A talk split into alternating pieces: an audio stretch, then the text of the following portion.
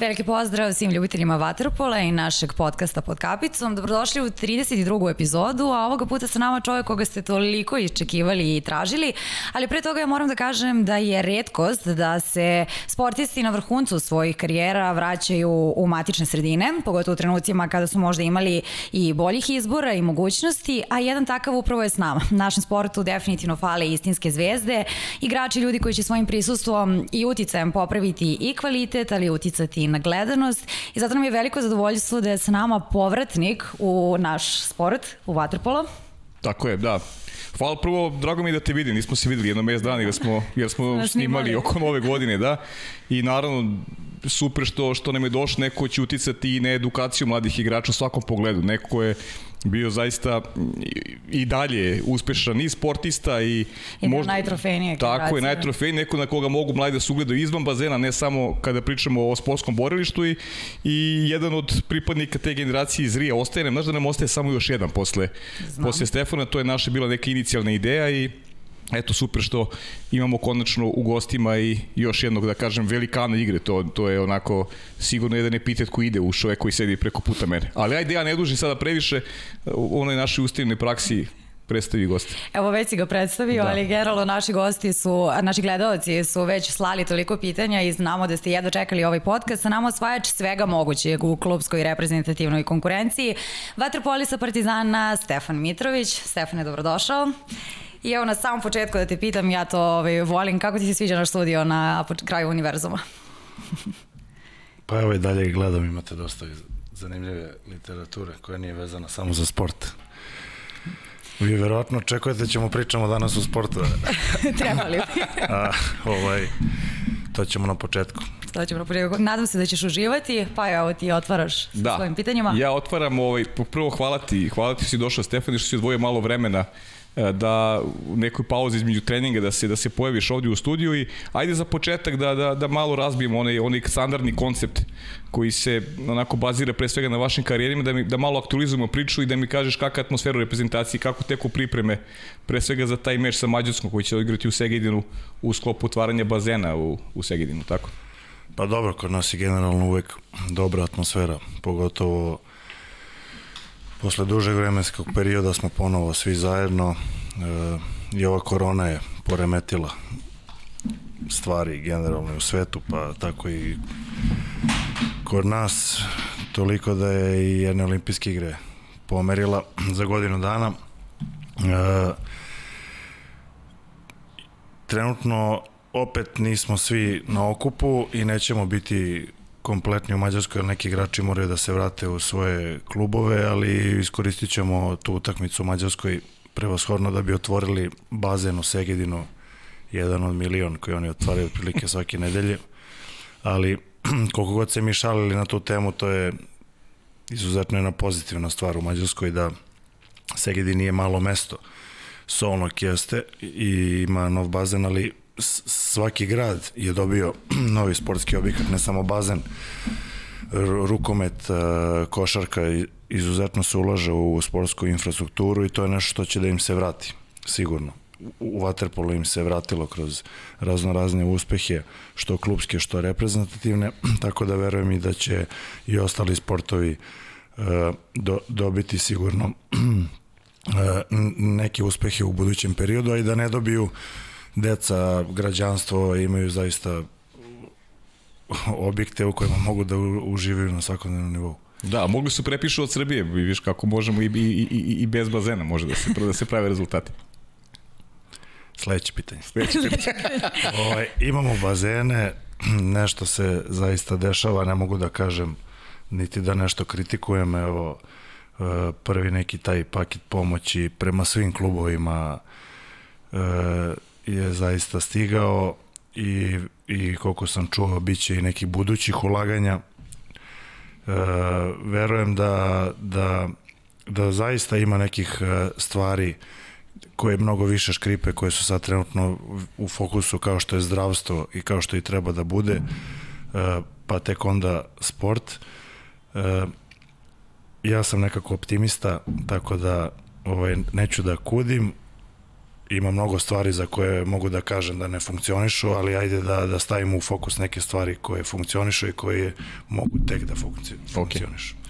E, ja obično volim da vas vratim u detinstvo, ali pre toga da mi ostavimo malo još na aktualnim temama, pa se onda samim tim nameće i Partizan. A, mnogi je zanadila vest o povratku na Banjicu, znam da je bilo i drugih ponuda. Ka, šta je prevagnulo? Pa, vratit ću se opet na ovu koronu. Sve je stalo, ja sam se našao u nekom e, među vremenskom prostoru gde eto, život ide, prolazi, a u stvari ništa se ne dešava. Olimpijska je godina da nije možda se i ne bi dogodilo tako kao što se dogodilo. Međutim, e, na kraju sam napravio jedan potez za koji se ispostavilo da sam bio u pravu, jer evo, kao što vidim u Grčkoj i dalje oni dobiju da treniraju nedelju dana da, pa nedelju dana ne, policijski časovi, e, selekcija sportova, futbal, košarka može, svi ostali ne mogu i tako dalje. Jednostavno nisam mogao više sebi da, da dozvolim da u, trenutno u olimpijskoj godini i u mojim godinama da pravim tolike pauze, pre svega u treningu. Ajde, nedostatak utakmice i toga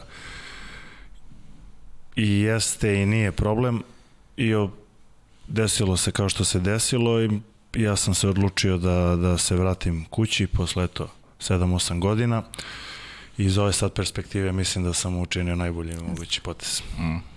E, Stefane, sad ovako nama sa strane deluje, cela ta priča deluje prilično zdravo, jer iza svega stoje veliki sportisti, stoje ljudi koji žele da pomognu takođe e, u svakom pogledu.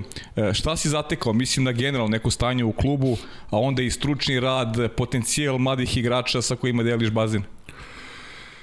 Pa, ono što sam zatekao je definitivno jedan veliki entuzijazam. Svi znamo da su se promenile neke stvari u Partizanu prevashodno u nekom rukovodstvenom smislu. Entuzijazam je veliki. E, vidim ponovo tu neku energiju i, i taj neki sistem u kome sam ja odrastao da, da se prate igrači od, od najmlađe kategorije, da se vidi otprilike želja šta je, šta je cilj. E, video sam takođe ovaj, i neke stvari koje otežavaju taj put, uh mhm. -huh. ali nadamo se da će, da će biti otklonjene u, u što skorijem periodu. U stvari one moraju da se iskristališu jer uh, ako se ne iskristališu opet uh, stvari će ostati kao što, što jesu ili nažalost neće možda to kluba taj klub neće ni postojati što se ne sme dozvoliti. Uh, ali generalno, generalno vidim uh, budućnost i, i, i u toj deci sa kojim ja sad svakodnevno ovaj, provodim vreme na bazenu, vidim da tu želju da i odricanje da žele da, da, da, da, da daju sebe za, za klub i kao što sam ja nekad sanjao da ću zaigrati prvo za prvi tim, pa onda i za reprezentaciju, to vidim sad i, i kod njih. Mhm. -huh. Ja, da li si svesan koliko njima znači što se jedna istinska zvezda vratila da deli bazen sa njima? Pa, i, još uvek ne provodim svakodnevno koliko bih želeo, zbog čega? Zato što trenutno sam sa reprezentacijom, kad sam došao imao sam jedan mali period gde sam bio u klubu vezano za ovu Jadransku ligu koju smo igrali, tek ću sada posle Mađarske biti u klubu, što se kaže, svaki dan do kraja sezone. Uh, oni nako dosta sa jednom dozom obazrivosti prema meni postupaju, vidim da i kad uđemo u slačionicu da možda neke teme se ne dižu. Postoji definitivno generacijski jaz. Neke stvari koje ću da promenim a to je da u frižideru više nema piva nego je švepsi Coca-Cola.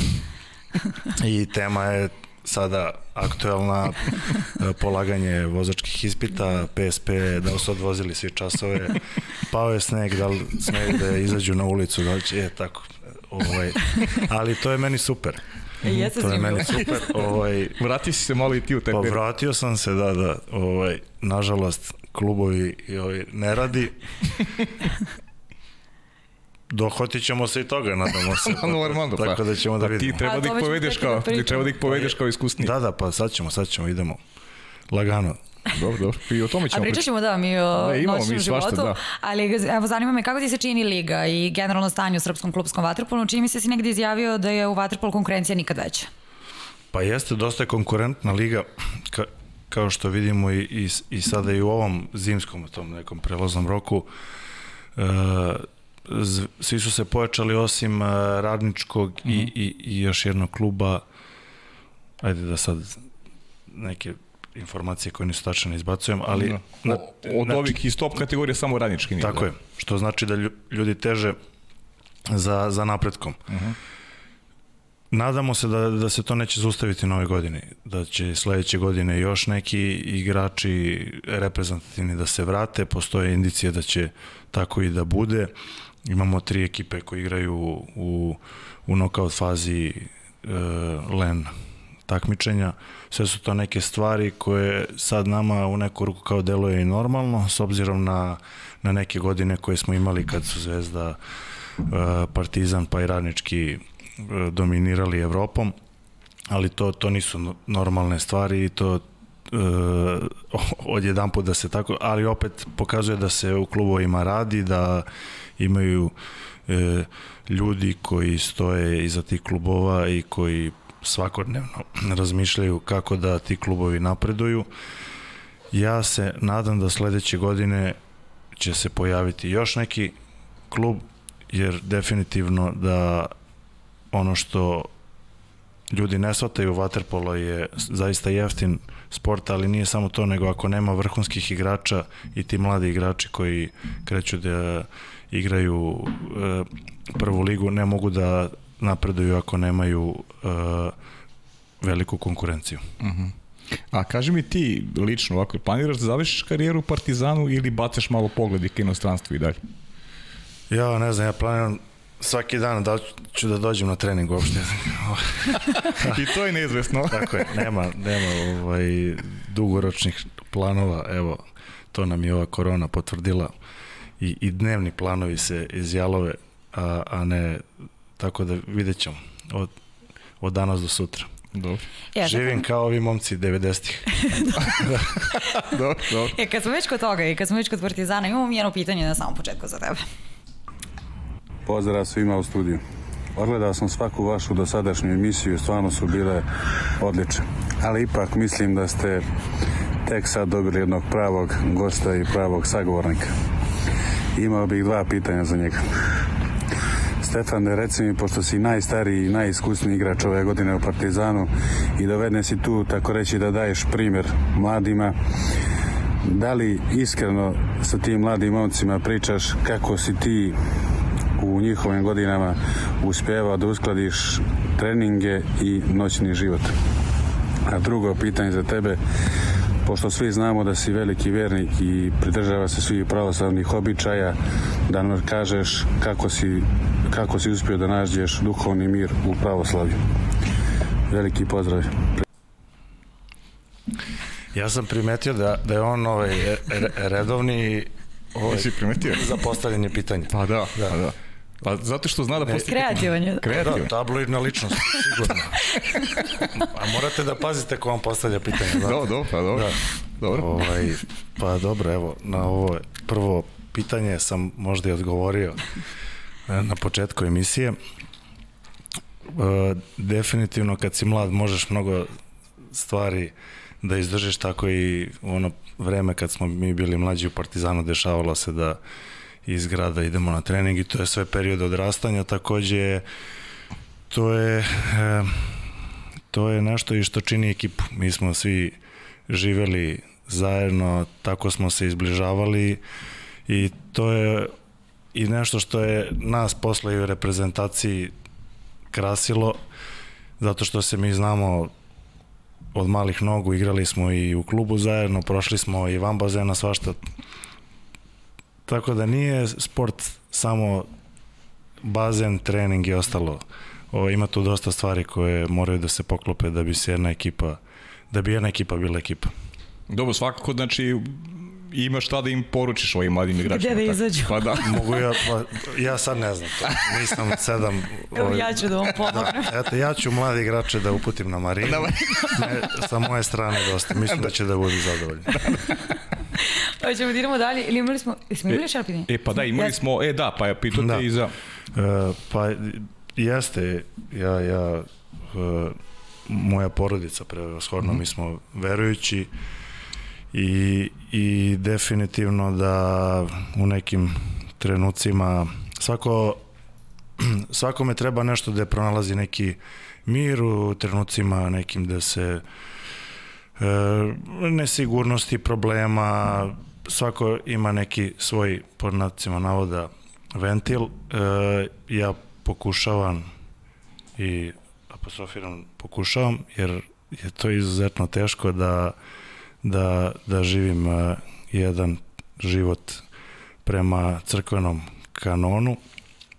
E, velika su odricanja i među crp, crkvenim ljudima i to je izuzetno daleko od onoga kako ja trenutno živim i verujem da nikada neću moći uopšte da priđem na mali korak do toga, ali pokušavam decu prevashodno da vaspitam jer mislim da, da je to isto pravi način za, za odrastanje i, i pogled na svet e, i, i, za, za neki redosled stvari u životu, tako da da, e, pronalazim veliki mir e, svake nedelje na, na liturgiji, e, zaista divni ljudi dolaze tamo i verujte mi nisu samo e, crkvene teme u pitanju svašta može prevashodno da se da se nauči e, u, u crkvi i u, u crkvenom okruženju takođe e, naš narod je opstao isključivo zato što su se ljudi oko crkve u svojoj istoriji e, e, pronalazili kroz period Turaka pa, na, pa nadalje. Tako da ne treba samo da se pozivamo na Boga kad je teško, nego treba mu se i, i zahvaliti kad nam ide dobro i, i ja eto, kažem, pronalazim svoj mir, ne, ne mogu nikoga da, da, da teram niti propagiram uh -huh. da sad svi treba da idu, svi treba da, da pronađu svoj razlog, ali eto, pozdravljam ovaj sveštenstvo iz uh, moje crkve Lazarice na Zvezdari, tako da svake nedelje dođite Svratite. svi da. po, pozvani da. pa da vidite kako je to. Pozdravi s naše strane. Pozdrav sa naše strane, ovo je možda i prava prilika da te vratimo nazad na izbore i moment kada se vaterpolo u tvojoj glavi definisao kao sport bro- broj 1. Kako se to dogodilo, ko je glavni krivac, da li je tačno da je tata kriv što si počeo da se bojiš ovim sportom? Pa nisam ja ništa izabrao u životu. Meni je sve nametnuto posle sve to. Jeste, otac me doveo na bazen, moja braća su trenirala, međutim, u nekom trenutku to već njih više nije toliko zanimalo.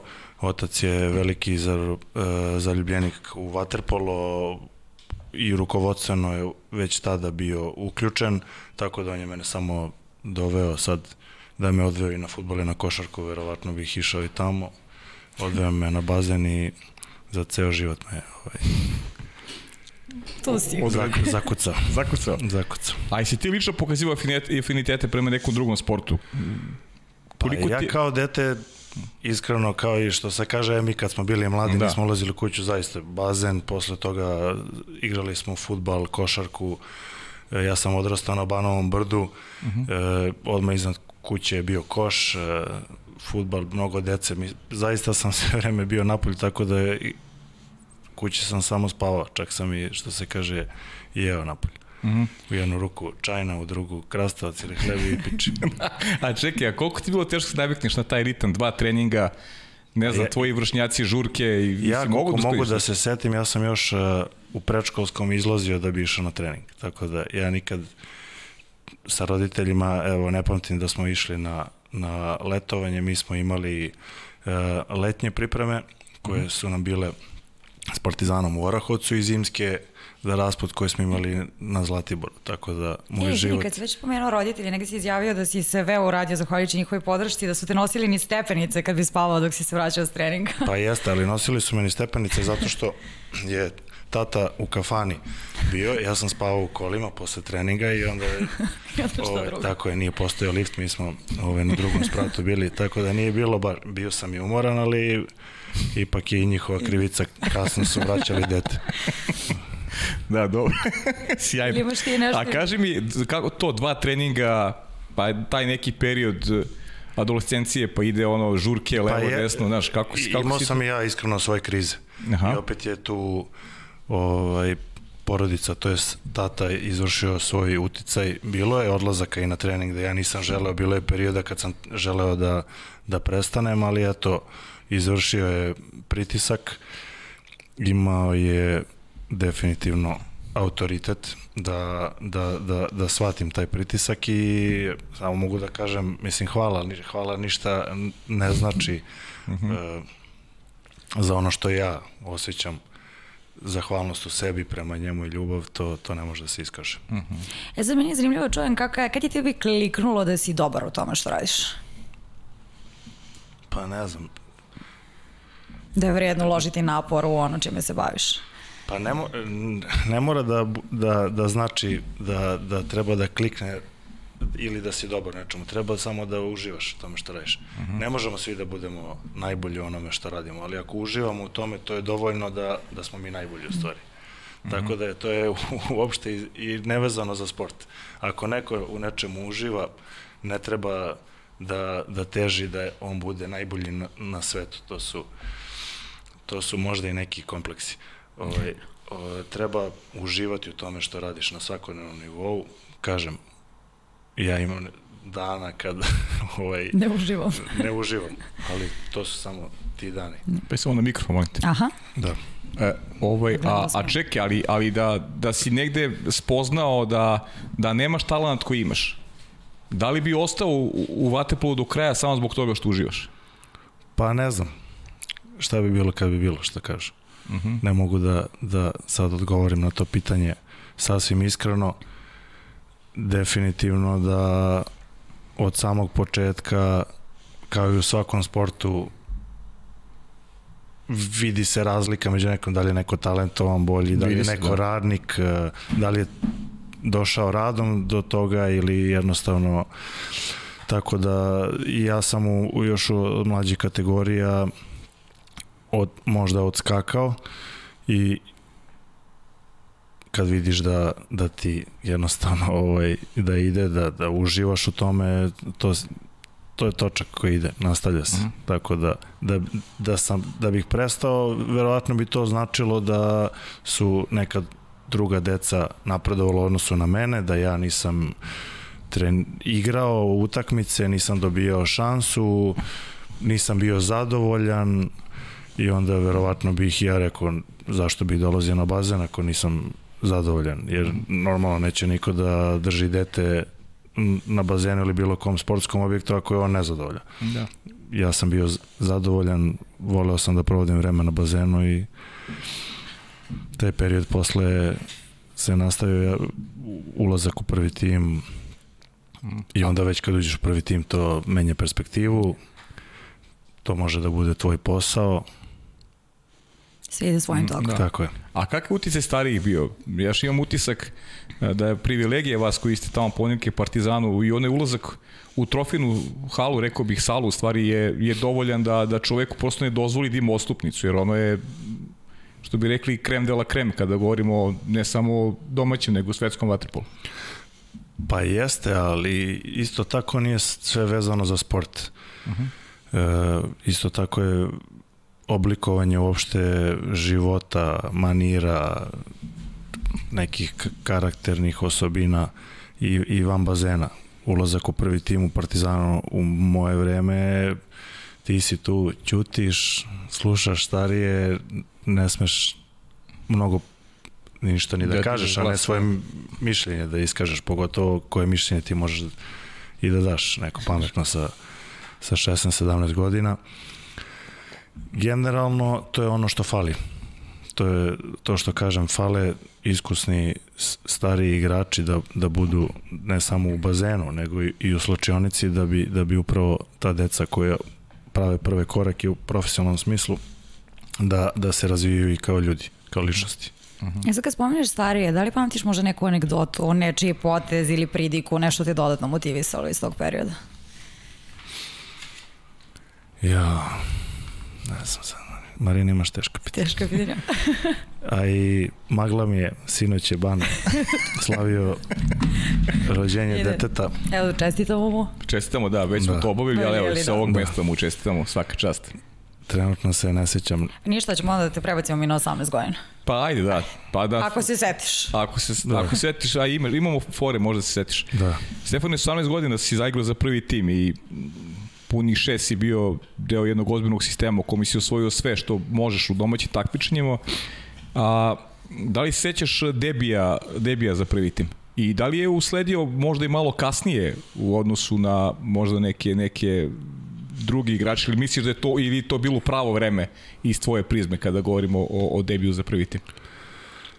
Pa bila je velika konkurencija pre svega u prvom timu mi smo tada imali vaterpolo klub student, kao što je danas Banjica, mm. i ja sam se ovaj, kalio, opšte naravno što kažu, kao i mnogi igrači, igrali smo tu prvu B ligu, tad je prva B liga bila zaista uh, izuzetno kvaliteta, takođe ekipe iz Crne Gore, tad smo bili jedna država uh, i, i definitivno da mi je značilo u tom trenutku što sam, što sam imao tamo ovaj prostora za igru. Što se tiče debija, evo iskreno da kažem, ne mogu da setim. Je, je moguće da je bila neka budva ili tako nešto? Moguće mi što Do, Bane je da. krivo što se nećeš. Bane te ćemo dokrimo da se Nije samo to. Ja stvarno te stvari, koliko utakmica, mhm. prva utakmica i te E, ali dobro, ako se nećeš prve utakmice, sigurno se sećaš titule prvaka Evrope i pobede nad Proreku. Sećam se toga. Da. Eto, ajde da evociraj te uspomene. Čega se najviše sećaš? Čega se najviše sećam? To je svakako kruna u Partizanu. Jeste. Jeste, da. E, pa sećam se sećam se prvo e, perioda pripremanja ošte za taj Final Four. E, bili smo u Segedinu i igrali smo, što se kaže, između sebe na treningu. Podelili smo se neke dve ekipe i toliko smo svi bili motivisani uopšte za te pripreme da, da, da više puta za vreme tog treninga je došlo do, do čarki na, na ivicu fizičkog ovaj, uh mhm. -huh. kontakta u smislu tuče, tako da, da e, generalno nije to bilo preko noći, mi smo pre toga otprilike svake godine gubili jednu utakmicu i to bi bila ta u, u, u polufinalu Final Fora, ali, ali sve se tako namestilo da je ta sezona u stvari bila ta, a Segedin je definitivno bio ovaj, ogledalo koliko smo mi bili motivisani za, za taj Final Four i koliko smo želeli. Uh -huh. A tada si igrao Stefane sa Milošom Korolijom. E, kakav je, kakav je danas kao trener? Kakav je Miloš kao trener sada? Pa dobro, vidjet ćemo. Nisam a, još pravio. Nisi još, a? Da, ali Miloš Korolije kao trener i igrač za sada ovaj, dve različite ličnosti. Ili tako, a? Pa, ja ga znam kroz razne faze igrača, uh -huh. da se razumemo, tako da ovaj, ali sviđa mi se ovo što vidim. Sviđa ti se kao trener, da? Tako je, da, da. Uh E sad radio si Partizanu i sa Dejanom Udovičićem i sa Igorom Milanovićem i sa Vladom Vujasinovićem. Uh, možeš da izdvojiš nekog od njih? Pa ne mogu, svako je za sebe, što bi rekli. Svako ima svoje pozitivne i negativne stvari. Ono što ih vezuje definitivno da su uh, veliki znalci vezano za, za, za vaterpolo i da su ono što je sigurno oblikovali mene kao igrača u nekom smislu. Da sam naučio mnogo od njih. Ja sad kad pričamo o trenerima, hoćemo još jedno pitanje. Ajde, ajde. Pozdrav svima u studiju. Pitanje za kuma Stefana da nam kaže šta misli. E, zašto naši treneri vole da se provodi toliko vremena u bazenu i nekad i prekomjerno a za, i da nam uporedi koja su mu bila lepša i bolja iskustva da li u e, inostranstvu ili u našim klubovima Zato što imaju komunističko razmišljanje. E, ovaj, zaista je tako. I plaše se pozitivne promene, plaše se promene u smislu nečega što je u njihovom životu novo, jer smo svi mi odrasli u uslovima red, rad, disciplina. E, mnogi sportovi su evoluirali. Mislim da vaterpolo što se tiče tog nekog trenažnog procesa i nije pratio druge sportove. Futbol i košarka su definitivno otišli u neke druge dimenzije, ali vidimo da, na primjer, rukomet ih prati. E, ovo kad kažem, mislim pre svega na satnicu treninga da smo mi jedan od redkih sportova koji dalje ima dva treninga dnevno. Jeste, e, igramo u sredini koja je specifična, nismo suvozemni sport, voda zahteva drugačiju dinamiku rada, nezahvalna je u smislu da ako ne treniraš od određeni deo, recimo od par dana, utiče na formu, ali isto tako uh, se i vaterpolo promenio. Postoje brži, zahtevni, fizički, a, a trenažni proces to ne prati.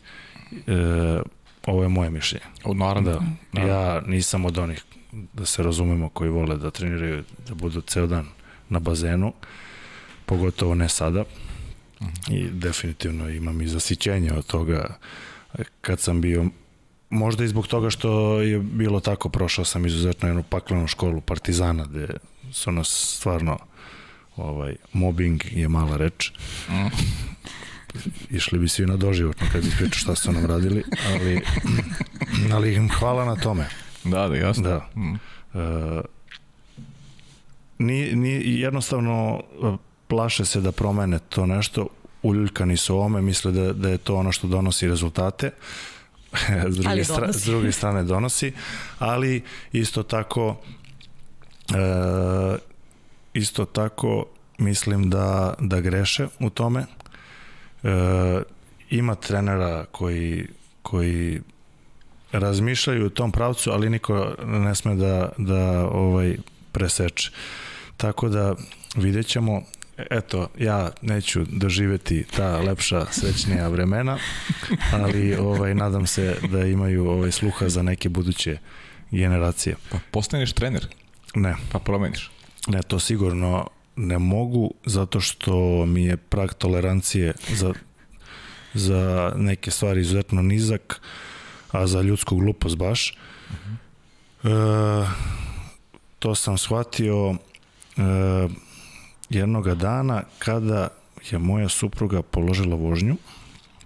Ja sam eto ovaj imam imao izuzetno veliku želju da, da, da ona vozi, da ne bih ja morao da se cimam ovamo tamo za sve stvari, jer zaista ima malo vremena između dva treninga još sad da idem i završavam neke obaveze koje su onako sitnice, uzima mi vreme i za odmor i za možda neki prostor da ja bi uradio neke svoje stvari. Bili smo u Mađarskoj, u Solnoku i ja rekao, ajde, idemo, vikend, veliki ovako jedan park gde se nalaze taj Tesco, Ocean, to su neki veliki shopping lanci koji se nalaze tamo, to je stvarno parking ne znam koliko hektara i nikog nije bilo. Ja kažem, super, evo auto, znači automatik, nema vaga, ne može se ugasi, evo ti vozi, ja sedim pored. Ne znam koliko je prošlo, ona ga je popela na ivičnjak, ja nisam znao da tamo ima ivičnjaka. Iz, izvini, izađi. I tu sam shvatio u stvari da da ovaj da nemaš toleranciju. Nemam toleranciju čak ni prema najbližim. A zamisli da, da radim sa, sa, sa drugima. Tako da uh, definitivno me ne zanima trenerski poziv. E, da li ću ostati u Waterpolu posle karijere, vidjet ćemo. E, trudit ću se normalno da, da pomognem na svaki mogući način, ipak je Waterpolo sport koji me oblikao kao čoveka, koji mi je pružio sve što imam i danas. Ali, ali ovo definitivno ne, nema Ne. šanse. I pritom ne bih voleo da budem onaj koji je evo pričao ovo, a to se dešava. I pa da možda s godinama mekšaš. Ne, da pričam ovo i onda sutra postane trener i ja dan dva sata, trening dva puta dnevno.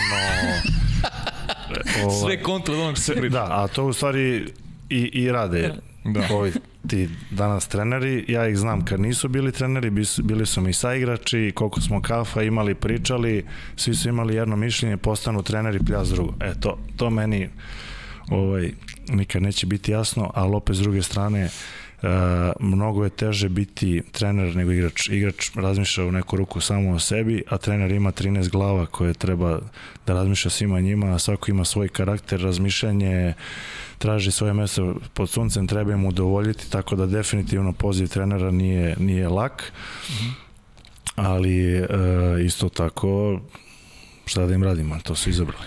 E, da, da nas Andrija ne naljuti i ovo drugo pitanje Da, inostranstvo. u stranstvu ili Da. ovde. Pa ja sam imao sreću da eto kroz karijeru sam a, igrao uglavnom u, u velikim klubovima, klubovima koji su se borili za, za titulu i imao sam sreću da igram u jednoj e, zemlji koja ima izuzetnu tradiciju vaterpola kao što je Mađarska. E,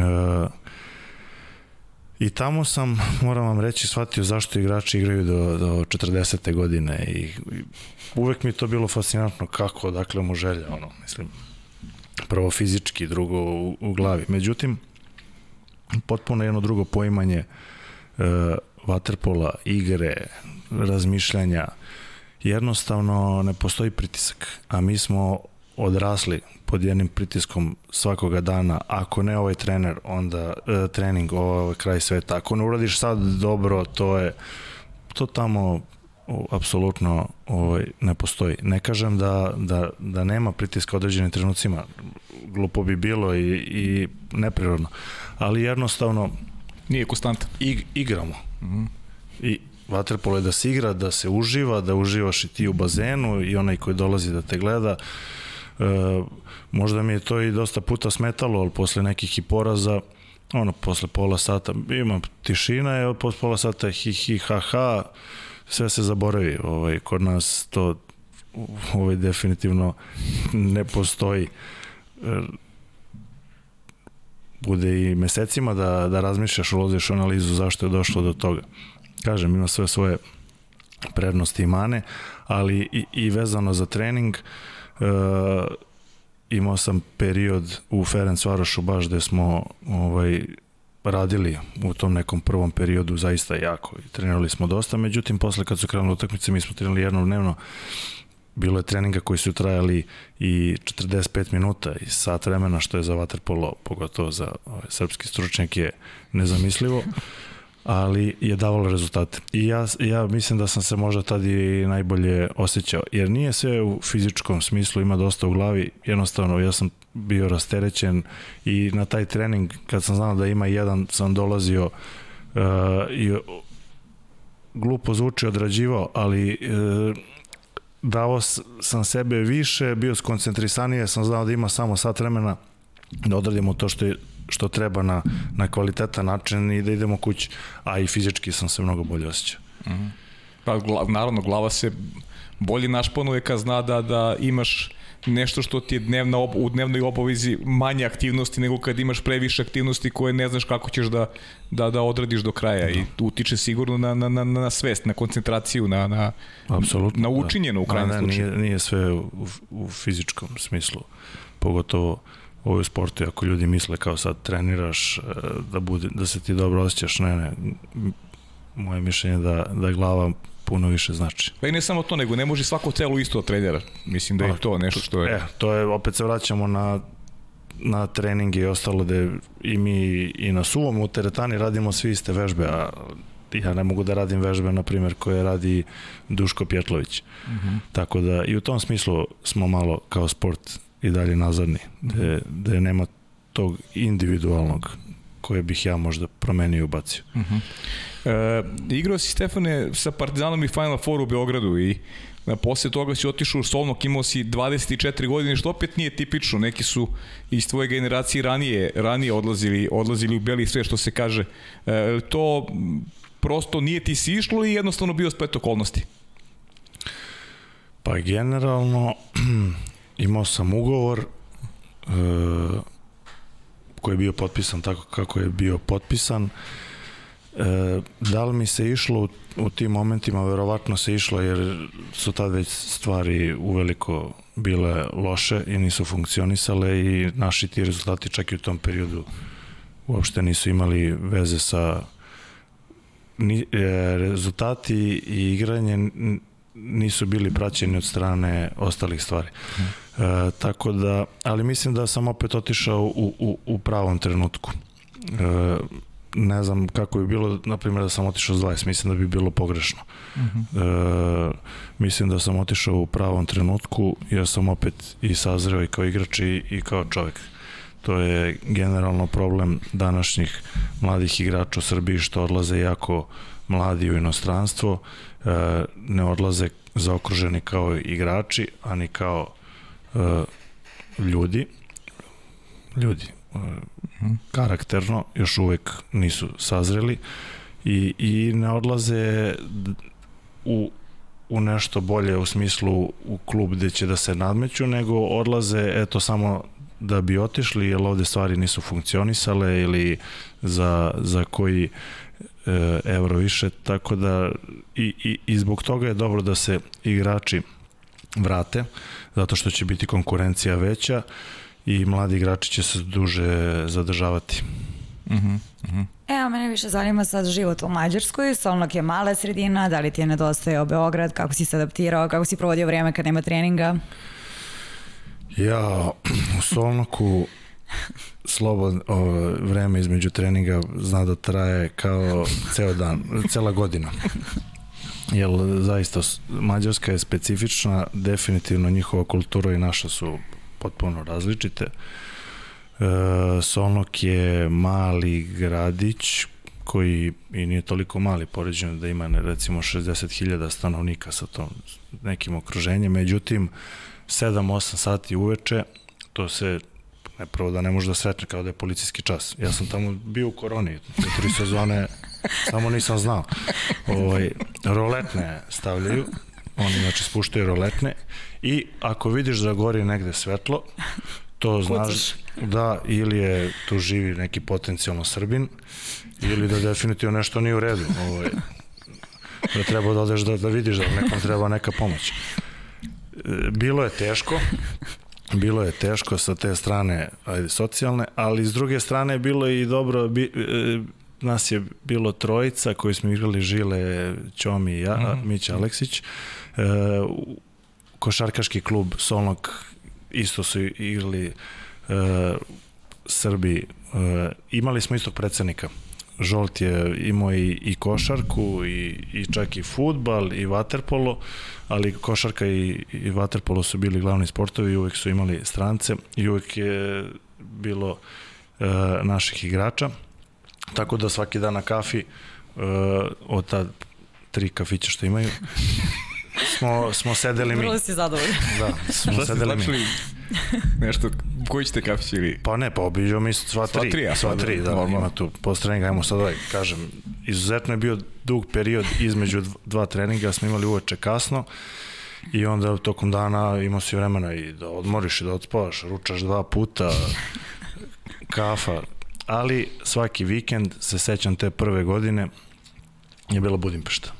E, to je. Znači, nisam, mislim čak možda jednom sam došao u Beograd za, za trajanje sezone. Znači, svaki vikend smo išli u Budimpeštu i, i bilo je ovaj, Interesant. le, interesantno i lepo druženje, da. Ali je za mladog igrača Solnog ovako da jedan dobar test. Ali za nekog ko je sa, na primjer, decom je idealan. Sve je blizu, dosta zelenih površina, parkova, sređanje generalno uh, za te tri godine što sam ja bio u Solnoku mogu da kažem da, da svaka ulica se renovirala, fasada, park, oni dosta vode računa o tome i iako je i sistem u Mađarskoj malo sličan, dosta je centralizovan vezano da se sve u Budimpešti, ostali gradovi zaista napreduju, oni e, isto grade dosta puteva, fabrike, pokušavaju da, da, da porodice i da, da ne idu svi u Budimpeštu, da, nego da naprave takve uslove da, da, da ljudi žive i u drugim gradovima, a da opet čak i mogu da rade u Budimpešti. A vidiš kako recimo u Solnoku taj sistem sa dva treninga dnevno recimo dobro dođe? Znaš, da nemaš mnogo tog praznog hoda. Da, pa da, da je bio jedan trening dnevno, možda bi živio u Beogradu. da sam imao tad diplomatski pasoš, boga mi. Prijelo bi ti. Da, ne bi mene Solnog vidio. Ja, kaži mi, ovaj, osvajao si tamo domaći trofej, prvenstvo i kup. Šta je bilo slađe, od, ako možeš uopšte da izdvojiš? Pa generalno prvenstvo. Prvenstvo? Da, prvenstvo je uvek slađe. Kup je opet na jednu utakmicu, ne kažem da, da, ovaj, da, da nije slatko, ali prvenstvo, prvenstvo, definitivno. Uh -huh. E, ja sam htjela da ti pitam da upravo za saigrače ovaj, i za društvo igrača sa ovih prostora, ali ajde ti selimo u Budimpeštu, Ferenc Varoš, uh, ostaješ u Mađarskoj, da li je bilo drugih opcija ili si želeo tu da budeš? Pa bilo je drugih opcija, međutim u Mađarskoj simptomatično za njih je da oni već u februaru, martu, što je jako rano generalno za, za tržište vaterpola, da oni svi već znaju ko će, gde će, šta će, pa tako i bilo sa mnom, uvek sam već u februaru znao otprilike klub da će ostati u Solnoku, a tako je bilo i sa sa Ferencvarom. Ja sam generalno imao veliku želju da odem da igram u Budimpeštu baš zbog toga što sam upoznao grad, jako mi se sviđao i jako sam želeo da idem iz Solnoka. ovaj, jer više nisam mogao da izdržim, jer ja sam izuzetno socijalna ličnost i volim da provodim dosta vremena van kuće među ljudima, uh mhm. -huh. to mi jednostavno ovaj treba i, i u Budimpešti sam uživao, jer je, jednostavno prođe neko na ulici, možeš nekoga da vidiš u Solnoku, ali zaista uveče ne možeš nikoga da vidiš. Ovaj, I to, I to zna da, da utiče Kako ne, na psihu. Da. Znači, vi treba da doživite februar u Solonku. Stvarno, ja, ja, to, ja to preporučujem. Toplo. Toplo, tako je. I, i, I opet kažem, ovima svima što se žale u Srbiji, vamo tamo, idite februar u Solnoku, korona vam neće teško pasti. e, ali kad zviš kod Budimpešte, ok, prijelo ti je kao za život, ali isto tako si ispostavilo da je pravi izbor jer si za tri godine osvojio sve trofeje, domaće, Len Kup, Ligu šampiona, sve. Pa jeste, taj moj odlazak u Ferenc Varoš se nekako poklopio sa planovima uh, tamošnjeg rukovodstva da, da, da prave jednu konkurentniju ekipu, jer u momentu kad sam ja otišao u Ferenc Varoš, oni su nisu bili uopšte u, u priči kakvi za, za trofej, ali mislim da čak nisu bili u prvih pet ekipa. Međutim, uh, Madaraš i Daniel Varga su tada prešli, potpisali su još par kvalitetnih uh, Mađara koji su se vratili iz inostranstva. Uh, I jednostavno desilo se da posle moje prve godine i došlo i, i do dolaska e, nekih mađarskih reprezentativaca s kojima sam ja igrao u Solnoku, tako da, da su se i tu kockice poklopile zaista da evo i, i dan danas Ferenc Varaš je jedan od glavnih konkurenata za osvajanje Lige šampiona. E, izvini, pa mm -hmm. samo naša Aleksandra nam je rekla, sad ne znam kad je to bilo, na samom početku negde 2019. tvoj Ferenc Varoš je igrao sa Zvezdom i ti si nešto rekao da tvoja ekipa može da uživa u srpskoj kuhinji, da ćeš im pokazati najbolje kafane, pa šta im se svidelo? To je pitanje inače gledalac. Pa, uh, ne znam kad je to tačno Generalno, bilo. Mađari uopšte kroz Waterpolo ovako dosta puta su bili u, u Srbiji i, i znaju našu kuhinju. Ovaj, mislim da su se više obradovali time. Kafanovo. Da, što neće morati da plate, jel ćemo da, jel te ovo naš srpski da, da ih ugostimo, da platimo i tako sve. Njima, mnogima, ne svima, ovaj, kvalitet nije toliko bitan. Kvantitet. Tako je, da. to je, ovaj, Rusi imaju jedan izraz, zove se na haljavu, to je ono, kad je za džabe, samo daj što više, Mhm. ovaj, da, dobro, šalu na stranu, e, roštilj, roštilj, bili su izuzetno iznenađeni brizlama, sećam se, Mhm. ovaj, nisu znali šta je to, svidelo im se, e, oduševljenje uvek, naravno, kajmak, tako da ovaj, klackali su se do Budimpešte ovako punog stomaka i bilo im je super. Znači, restoran s brizlama, to je dobra opcija za Budimpeštu. Da. E, kaži mi, ovaj, finale to Lige šampiona je bilo onako prilično dramatično protiv Olimpijakosa, dobri stek posle peteraca, ti si odigrao jednu sjajnu utakmicu, postigao si tri gola, trebali ste pobediti u regularnom delu, jer ste imali i prednost, čini mi se tri gola viška negde pre kraj, Olimpijakos se vratio i nekako ste uvukli ceo meč u dramu, ali je jedno spektaklno finale generalno. Pa mi smo otišli na taj Final Eight sa četvrte pozicije u, u grupi. Nismo igrali sjajno uopšte te sezone, imali smo uspona i padova, međutim e, pogodili smo ovaj formu, možda u neku ruku smo bili i rasterećeni, niko od nas nije očekivao da, da ćemo tu da, da briljiramo i, i da osvojimo.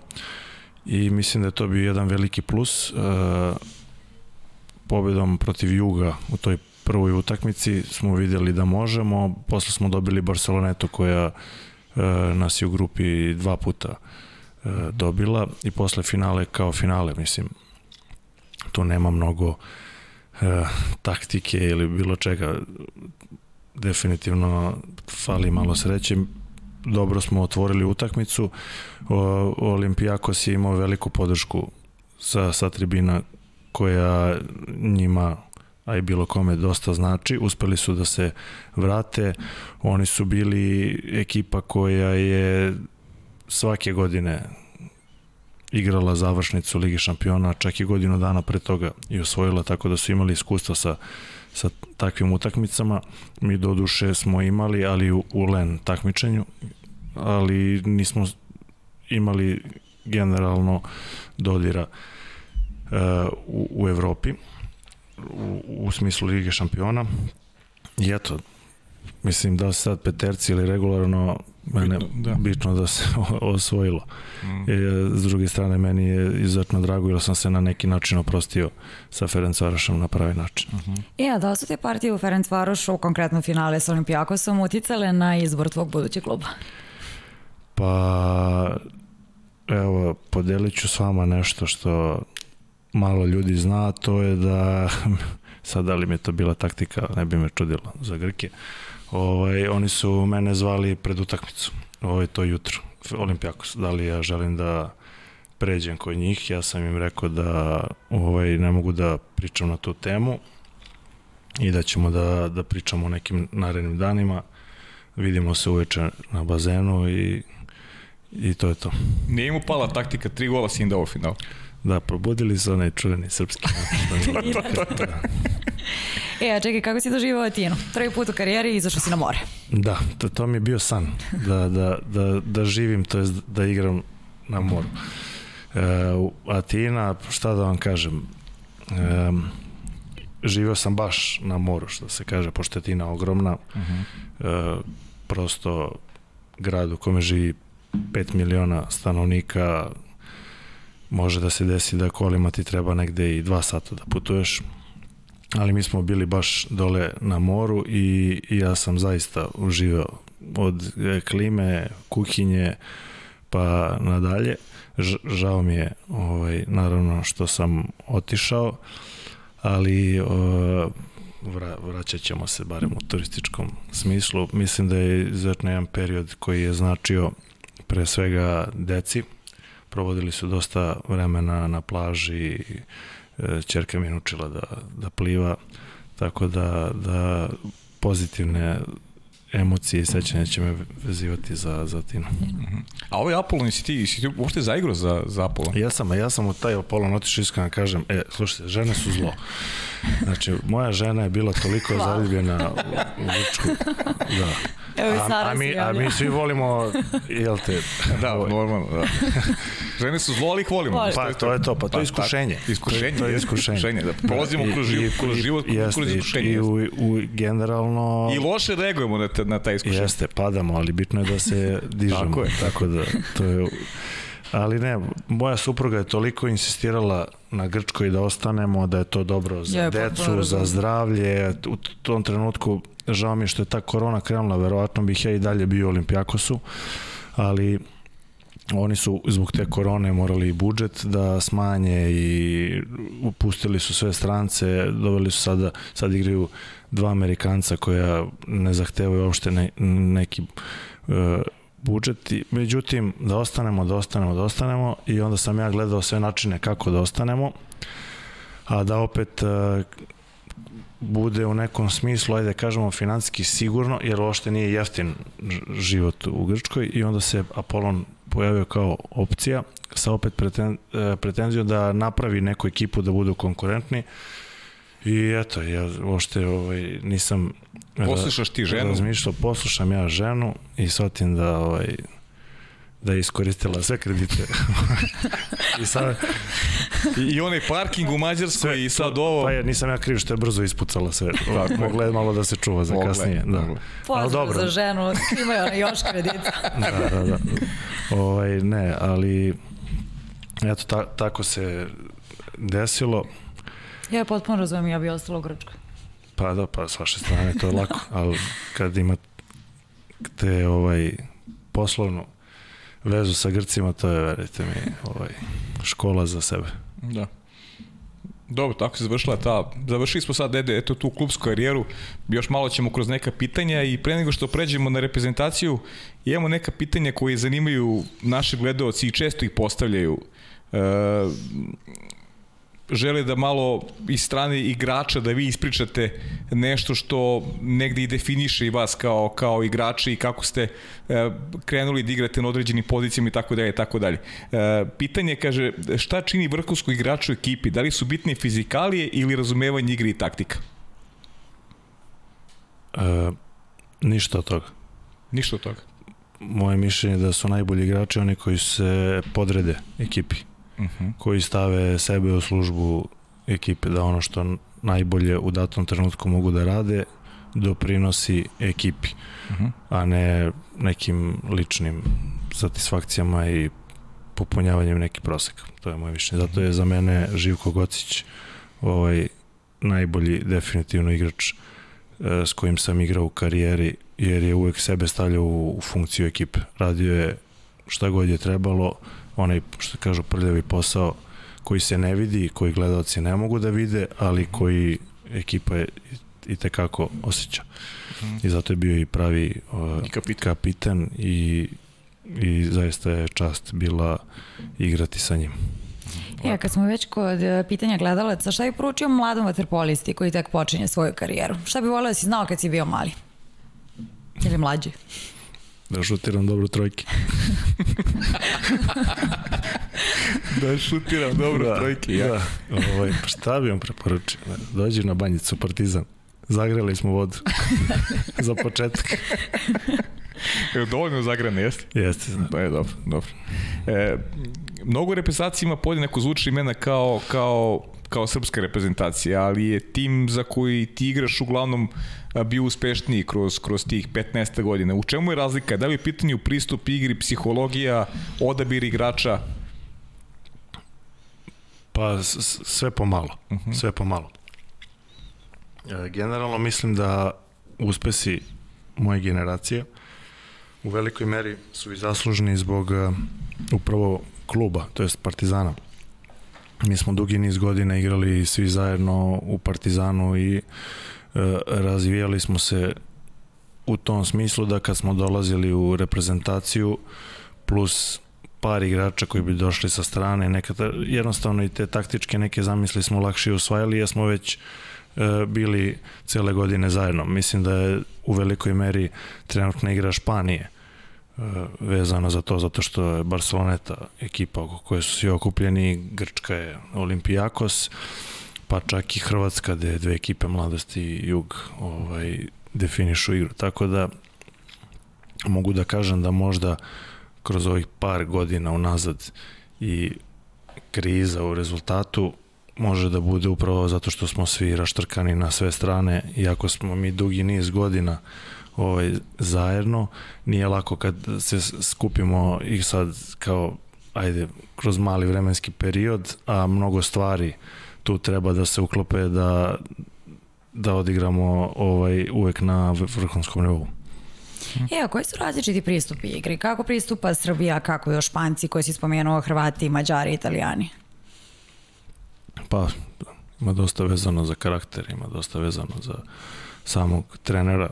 Mi generalno pristupamo tako da svaku utakmicu, svakom turniru idemo e, na pobedu na osvajanje, što ne kažem da nije i kod drugih, ali ne verujem da da neka Nemačka ode na turnir baš očekivajući da će da osvoji. Opet to je vezano za sam karakter i odrastanje. Ovaj, tu se vraćamo na, na sami početak gde još kao deca smo odgajeni tako da, da jednostavno uvek mora da se izađe kao pobednik. Uh mhm. -huh. A kaži mi, to je opet isto pitanja, pitanje gledalaca koji su česta, kako se pripremate za velike takmičenje? Koja je uloga trenera i kako analizirate protivnika i pristupate pojedinačno tim utakmicama? Da li vi sami pojedinačno radite analiz, analize igrača sa protiv kojih ćete igrati na određenim pozicijama? Pa to radi stručni štab.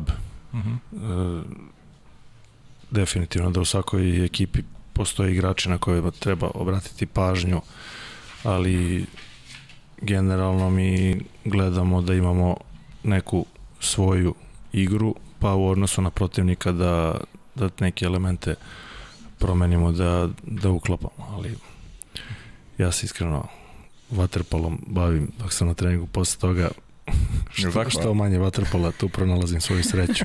I, I dajem više sebe vaterpolu zbog toga, jer ako bi bio zaokupljen vaterpolom, mislim da bi bio sprš. E, to, jako, to, je, to je moj stav isto, generalno prema poslu. Da. Znaš, da moraš da budeš ispunjen nekom drugom delu, nekom drugom segmentu da bi mogao da daš onome što radiš na pravi način. Da ti ne bude to okupacija celodnevna. Pa jeste. Dobro, sva, svako ima svoje. Svako da. ima svoje, svoje razmišljanje, svako je drugačija ličnost, a generalno to je neki moj stav. Ja, mi imamo toliko pitanja gledala, da ćemo mi to da ostavimo malo za kraj, kao i uvek, kada pređemo da. sad na reprezentativnu karijeru. Tako je, hajde, hajde. Hajde da krenemo od mlađih kategorija. Kakve uspomene nosiš na rezultate sa igrače, trenere? Se sećaš toga? Mislim reprezentacija, da. Da, da, da pa sećam se kako ne. Pa ludo putovanje, što bi rekli. Pa i u mlađih kategorija isto je bilo. Jedan veliki pritisak.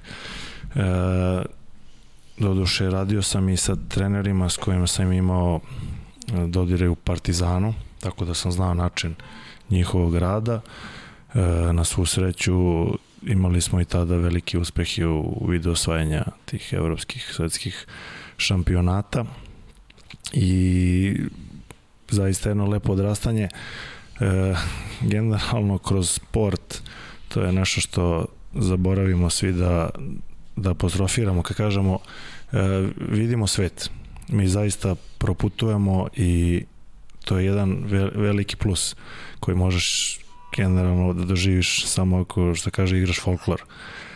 Ovaj, proputujemo svuda, vidimo različite kulture, e, ne vidimo u toj meri kao kad bi otišli turistički, jer ipak smo zaokupljeni e, bazenom i takmičenjem, ali, ali doživimo da odemo možda što ne bi mogli sebi i da priuštimo i da nađemo vremena, tako da je to zaista jedna velika stvar i, i jeste sport odricanje, ali definitivno da, da vrati i ne samo u materijalnom smislu, vaterpolo uopšte nije sport gde možeš da očekuješ da ćeš da sad materijalno da se obezbediš unuki kao što je u nekim drugim sportovima, možeš pristojno da, da živiš, moraš da razmišljaš šta ćeš i posle, što je opet u neku ruku i dobro, pa moraš da se usavršavaš e, i kroz život, ali i puno da u vidu tih putovanja,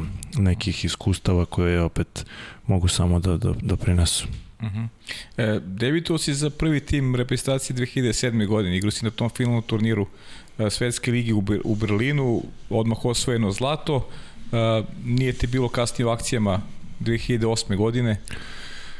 A rekao sam ti da se nisi dobro spremio yes, za emisiju još yes. dva dana, sad pa čekao da sad Nije pao sa motora 2008. a Marina zna se. A, da. To pa, ja sam čekao zato što, da. zato što je ona spremila taj deo. Da, da. Ovaj, ja sam čekao njenu Pazi, reakciju, ali ti, jer sam tačno znao da ćeš mi reći da nisam spreman. A čekaj, digresija na 2007. Ajde. 2007. jeste, međutim, e, nisam igrao finalnu samo utakmicu, zato što sam leteo za Los Angeles, igrali smo e, juniorsko svetsko. Tako da Aha, Eto, da. Znači ti si, na, na dva mesta si bio. Tako je, da. A 2008. sam pao par sati pre prvog treninga okupljanja i to sam pao sa Burazerovog motora. Bilo je on, no, u Ljermontovoj fali ti jedan papir, nešto sam bio polu nervozan i stvarno pao sam sad bukvalno 30 na sat, motor mi je proklizao, udarili smo u ivičnjak, poletali ja i motoru, ušla mi je ruka u točak, ostao sam bez prsta i tako da ne dužim dalje. E, opet imalo svoje pozitivne stvari, imao sam prvo slobodno leto u životu.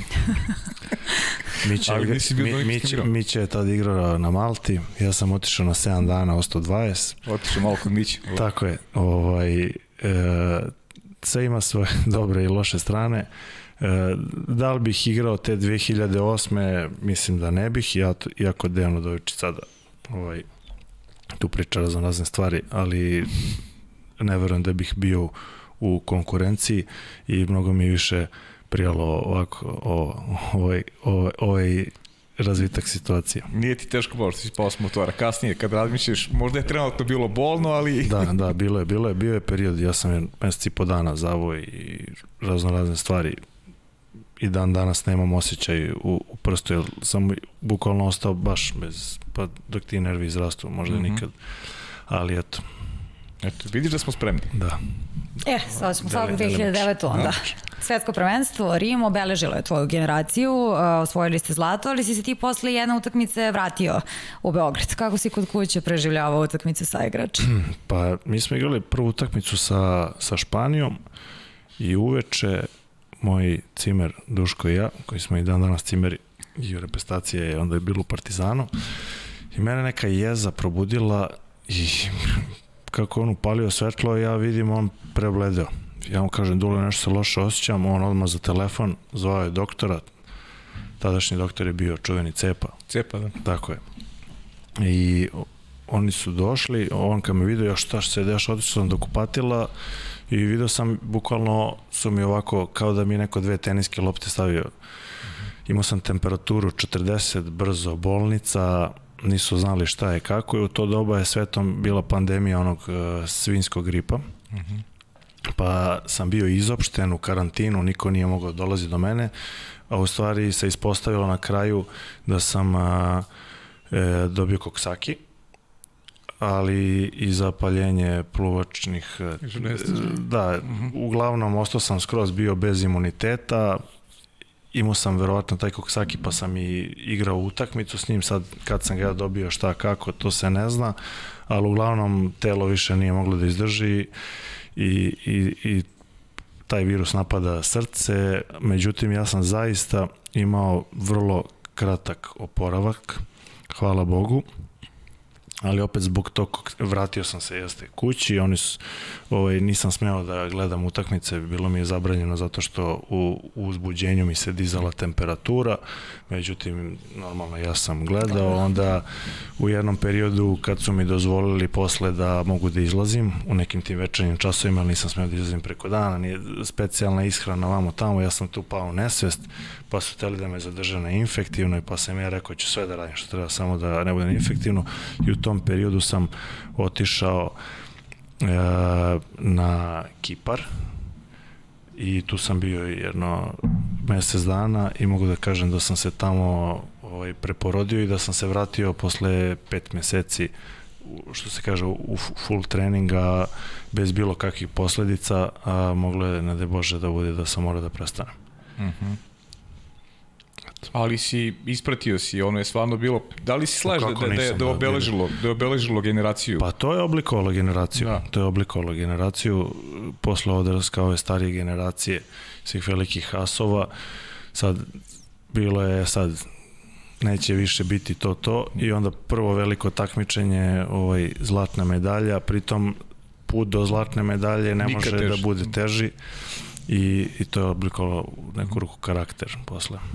Stefane, kad su, kada su svetska prvenstva u pitanju, nećemo terati ti prepričavaš koliko je bilo i medalje i svega, ti si, e, igrao si još na, na četiri, u Šangaju si osvojio zlato, igrao si tokom celog turnira, Tačnije, da, u Šangaju si zlato, imaš jednu srebro, bronzu. Koje ti najbliže takmičenje e, od, od kada pričamo o svetskim prvenstvima? Da li postoji neko koji si napustio razočaran, koji ti je posebno drago? Kako su ti emocije?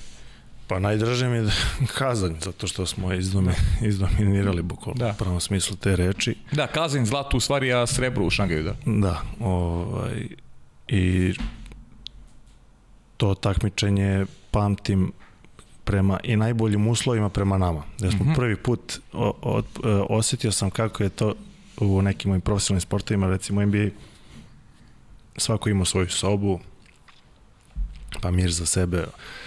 Ovaj, bilo je onako i čurno, a s druge strane, da nije tu sad neko cimer, a s druge strane, ispostavilo se da nisu ti ljudi tamo budale, što ovaj, nije zbog viška para, pa sad kao svako svoje, nego da ima to neki razlog i ja mu kažem, meni izuzetno prijalo, to smo uradili ponovo u Beogradu 2016. Mm. Međutim, ovaj, posle toga je ponestalo budžetskih sredstava za taj vid ovaj, smeštaja.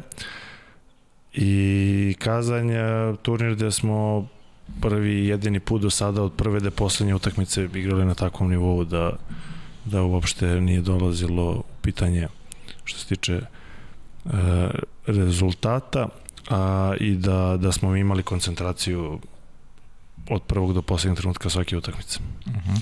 Ja, dominirali ste i na evropskim prvenstvima. Znači, osvojio si četiri vezana zlata, imaš i bronzu iz Zagreba i sad nećemo ti terati prepričavaš takmičenja, nego eto da ih rangiraš po sobstvenom osjećaju u nekoj priči, anegdoti.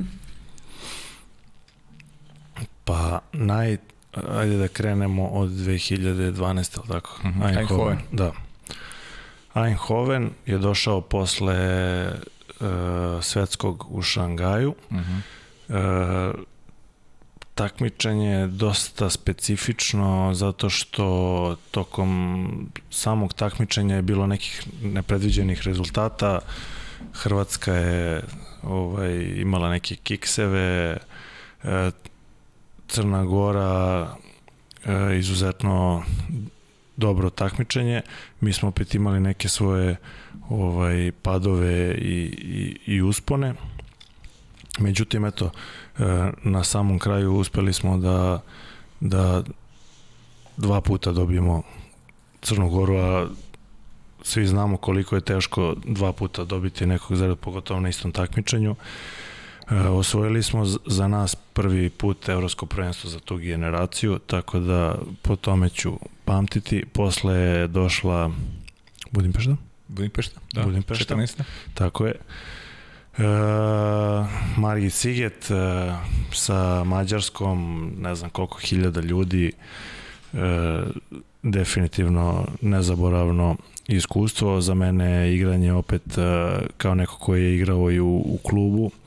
E, mi smo doživljavali samo ovacije i tapšanje od strane mađarske mm. publike i to je tek jedan poseban e, doživljaj. Posle toga je bio Beograd.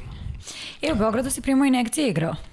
Da, u Beogradu je bila katastrofa što se tiče. Ovako ljudi kad misli da je, da je moje zdravlje ovaj, da su se jednostavno se tako da, ali to je samo pokazuje koliko je u stvari paklen ritam klub, reprezentacija, nemanje slobodnog vremena, nijednog slobodnog leta da, da se i telo oporavi i definitivno da, da sam ja u reprezentaciji dosta puta igrao zaista i na ivici povrede, povređen, bolestan. 2018. sa otokom ispod oka, dao tri gola. Ma dobro, to, to je to je udarac, da, udarac. to, to je drugo, ali e, imao sam ozbiljnih problema s leđima, primao sam injekcije, bukvalno su me ubacivali u bazen. Veće sam bolove imao van bazena nego u bazenu, ali eto, skrp, skrpio sam se za to prvenstvo. Igrali smo pred našu publiku 17.000 ljudi, mislim da je to da, naj rekord, yes. rekord. E, sa neke strane opet svoje emocije i, i, i sećanja na, na to prvenstvo i za kraj je ova Barcelona mm. e, koja je najsvežijem sećanju Iz, isto tako jedan turnir gde od sjaja do očaja ali hvala Bogu eto na kraju se sve zašlo na najbolji mogući način. A znaš da, znaš da vam je jedini poraz, u stvari posljednji poraz na evropskim prvenstvima je to Bunipeš 2014. godine. U, po grupama sa, Mađ, sa Mađarskom. Kažem, ne znam, ne pratim te Eto, pa statistike, ali, ali je to... Da, ne računamo ovo na peterce, to, to je na peterce u Španiji, ovo to sad, je, to, sigurno neverovatan niz, sad možda ga ja ne posmatram i ne osjećam se tako, ali ovaj, zaista mi je drago i, bit, i bit će mi nekad drago što sam bio deo ove generacije i sve što smo prošli zajedno. Stefane, na olimpijskim igrama si debitovao 2012. u Londonu, znamo dobro epilog, osvojili ste bronzu, ali ajde kada pričamo o tim olimpijskim igrama, pošto su tvoje prve da čujemo ta neka iskustva koje nosiš, druženje sa drugim sportistima, susreti možda sa nekim idolima, ljude koji si poštovao i pre dolaska tamo imao si prilike da ih sretneš. Kako ti je ta cela priča izgledala iz ugla neko ko je prvi put doživao jednu, jednu takvu vrstu iskustva?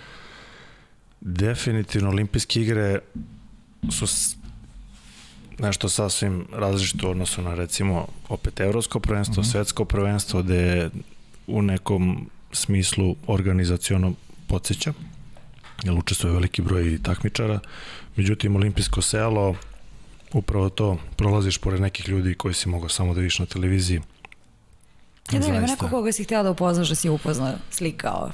A nisam se slikao. Iskreno nisam se slikao, niti samo od tih što su se menjali s tim bedževima. Toga ima ko, koliko hoćeš. U neku ruku i zbog toga što mi je bilo i žao tih ljudi, jer ipak su došli na jedno takmičenje i oni žele neku svoju privatnost i ostalo. Nisu mogli normalno da jedu i, i meni je recimo Noleta jako žao, jer uh, on takav efekat uh, ulaska njegovog u selo da on ne može da ode, mi imamo tu jednu menzu da svi zajedno hranimo, on ne može mučenik ni da se hrani, to je svaki sekund slikanje i koliko god ljudi mislili da bi voleli da budu Novak Đoković ili neko od, od sportista koji su prepoznati širom sveta, ovaj, verujte mi, to je mnogo veće opterećenje i ne može svako da, da se nosi sa tim. Tako da nisam, nisam bio tih ljudi, ne kažem sad da, da, da napadam ove što ne, naravno, slikali moj, moj kum a, koji inače jako prati sport i sve to on se sliko kao ovi Japanci. I moje na, dve, tri baterije za, za telefon da mu se... E, tako da Olimpijada zaista... Pa da, i kum ti je ma, malo poznat realno i teži to da upoznaje ovi ljudi koji su poznati. Da, dobro, da, u Srbiji smo mi svi prepoznati, ali to je jedan drugi nivo kad si ti prepoznat na, ja si šali malo, dobro. na svetskom nivou. Oni su se možda slikali s mojim kumom jer su mislili da je Cambiaso ovako ćelova, ali pa su ga mešali. Ali. E, tako da ne, ne, ne, mogu, ne mogu ja da vam dočaram to dok e, ne vidite sami. Ali opet 90% e, sportista koji ode zaista na olimpijadu odu da bi učestvovali i posle toga je šetnja, upravo to, slikanje, a nekih desetak posto ode da bi se takmičilo i sa najvišim ciljima. Waterpolo je takav sport da mi uđemo prvi dan u selo i izlazi, izađemo poslednjeg i onda u, u nekom trenutku i budeš zasićen i, i zaista je i teško. Uh -huh. Jako je teško. E, teško je i da ideš i da jedeš svaki dan, je bukvalno isti meni. I, A mek? I, i, i, i te neke stvari. Po, posle si bukvalno ovaj, ostavljen da moraš da se hraniš u, u McDonald'su ili više. I ove, u Londonu je bio čak i odlično organizovan u odnosu na recimo Rio gde se sve raspadalo. Mi smo bili to selo u Londonu, je bilo naselje koje su oni posle kao što je inače slučaj, sa velikom većinom ide u prodaju, da, e, ali bio na metro stanici i bio je izgrađen neki veliki shopping centar koji je imao zaista i, i, i dobre restorane, tako da meni je prijalo, izlazili smo, šetali smo se da izađemo čisto iz te atmosfere ovaj, olimpijskog sela, jer e, tako sam ovaj, svoj mozak malo ovaj, resetovao. Mm -hmm. Tako da London mi je, što se tiče tih nekih stvari, u boljem sećanju nego Rio, ali opet ne može da se poredi sa sportske strane, zato što svi znamo da. ovaj, u Rio šta je bilo. E pa ajmo onda u Rio. To je neka kruna generacije, veliki pritisak, očekivanja kako vaša, tako i naša, to jest javnosti. Uh, šta, kako, si, kako si se, kroz, kroz šta si tačno prolazio u Brazilu? Da li si jednom momentu posumnjao? Pa, da, niko ne može da napravi nama pritisak kao što mi možemo da napravimo sami sebi. I definitivno godinama, pogotovo kroz ove uspehe koji, koji su nas pratili, ta olimpijada je bila taj neki cilj, san, e, kruna generacije i svi znamo kako je krenulo sa takmičenjem, upravo iz tog pritiska nismo uopšte ličili na sebe, pa smo razloge tražili i u katastrofalnoj organizaciji, igrali smo oni žabokrečini i, i prelazak na ovaj zatvoreni bazen, u stvari kao te neke uslove, je nama bilo u mozgu ovaj, neki reset olakšanje, e, e sad će da bude kako će bude, međutim utakmica sa Japanom katastrofa. U nekom trenutku neko na klupi je čak i rekao pa mi ćemo izgubiti ovo. Ne, mi kad smo dobili tu utakmicu sa Japanom to je najveći stres. Ja to potpisujem za mene a i cele generacije je ta utakmica. E, posle toga četvrfinale, polufinale, finale mi smo uživali ali zaista smo uživali i mislim da se to i videlo da. a do tada Pa nam neko rekao da je smršao 10 kila? Tako da, moguće. Da. Jeste, pa ne, svi, neko. svi izgubimo kilažu, ima da. dosta vezano za stresa i upravo za, za tu ishranu i hranu. Da, da. Ovaj, ne, To baš u Rio je neko, neko je pričao i baš Jeste. skoro neko. Da, da, da, Reći vam, možda ćuk. Profesionalni sport uopšte nije zdravo. Ovaj, tako da, pa da, da, to, to je generalno tako mm. i to se i ogleda upravo Mislim, svi mi izađemo u neku ruku kljakavi posle karijera. Mm. Ovaj, da živimo i povrede, ima i igrača koji se ovaj i operišu za vreme karijere, mhm. -huh. tako da profesionalni sport kao sport uh, nije zdrav u smislu da da godi tome zdravlju, ima normalno ovaj ima pozitivnih efekata, ali, ali veliki su stresovi i da gubitak kilaže je samo mm. jedan propratni efekt toga. E, izvini, ja mhm, čitam mm, ove pitanja sve vrijeme da znaš da držim telefon jer gledam šta mi gledalci šalju, nisam nekulturna, mm. ali ovaj, nakon početka olimpijskih igara u Riju i dva remija izjavio si da igrate kao Portugal u evropskom prvenstvu u futbolu, pa neka se tako i završi i tako je bilo. I onda pitanje kako si setio ovoga, to je kako si došao do tog poređenja? Pa zato što igrali smo tvrdo, ovaj, svaka utakmica je bila nerešena, ali eto, ovaj, nije bio lep futbal, niti smo mi nešto prikazivali neke partije. Ali, ali na kraju, ali na kraju, na kraju ste bili Brazil u četvrtfinalu. Na kraju se ispostavi da ovaj, sve što ja kažem dođe na, na moje. Tako sam rekao i moje ženi. Ovaj, dosta stvari u redu, poslušaj me, bit će tako ovaj, i na kraju se ispostavi da sam u pravu. Uh mhm. -huh. Nažalost, za neke stvari se ispostavi da sam pravu koje nisu pozitivne, ali da. ovaj, eto. Ja, kaži mi kakav si osjećaj posle Rije kad je sve prošlo? Da li si poželao da digneš ruke od svega i da kažeš ne mogu ja više još jedan olimpijski ciklus da izdržim mislim ili, ili jesi ja? Pa ja sam pričao još za London da ću da prestanem ako se osvoji zlato. Tako? da. Ovaj, da, jeste, bilo je stvarno posle Rije jedan period čardak ni na nebu ni na zemlji. Uh mhm. -huh. Prvo, uopšte, ni sad nisam svestan i nismo bili svesni šta je urađeno. Onda taj jedan ogroman teret sa leđa koji je mhm. pao, koji opet kažem, sami smo sebi ovaj, nametnuli. E, a onda i, i tako neko razmišljanje. Međutim, ja sam tada imao 28 godina. Uh -huh. U nekom smislu, baš u tim godinama sad i da se prestane i reprezentacija, ne bi dođe to ovaj, posle na svoje, ali e, nismo mi mogli da se oporimo od tog rija dugi vremenski uh -huh. period. Uh -huh. E, a može li da se ponovi Rio u Tokiju? Pogotovo sad gledamo ovu jednogodišnju pauzu. Pa, ne znam da Tokio izlazi na more. Tako da, ne može da se ponovi. Ne može da se ponovi. Ni vreme, ni... I, rezultatski, jer mislimo rezultatski. Pa, da, rezultatski se nadamo da će se ponoviti, a svako takmičenje je za sebe. Nadamo se da se neće ponoviti da prolazimo to što smo prošli do, do, do tog zlata, da će možda za neke druge stvari biti lakši put, ali ovaj ne postoji nažalost laki put, tako da št, kako god da bude, da budemo mi ponovo Portugal. Mm. Ovaj, pa da se završi na pravi način. Mm. A kaže, protiv koga je najteže igrati? Protiv koje reprezentacije? Tebi onako lično? Meni je najteže da igram s ovim idiotima, Amerikancima i Australijancima.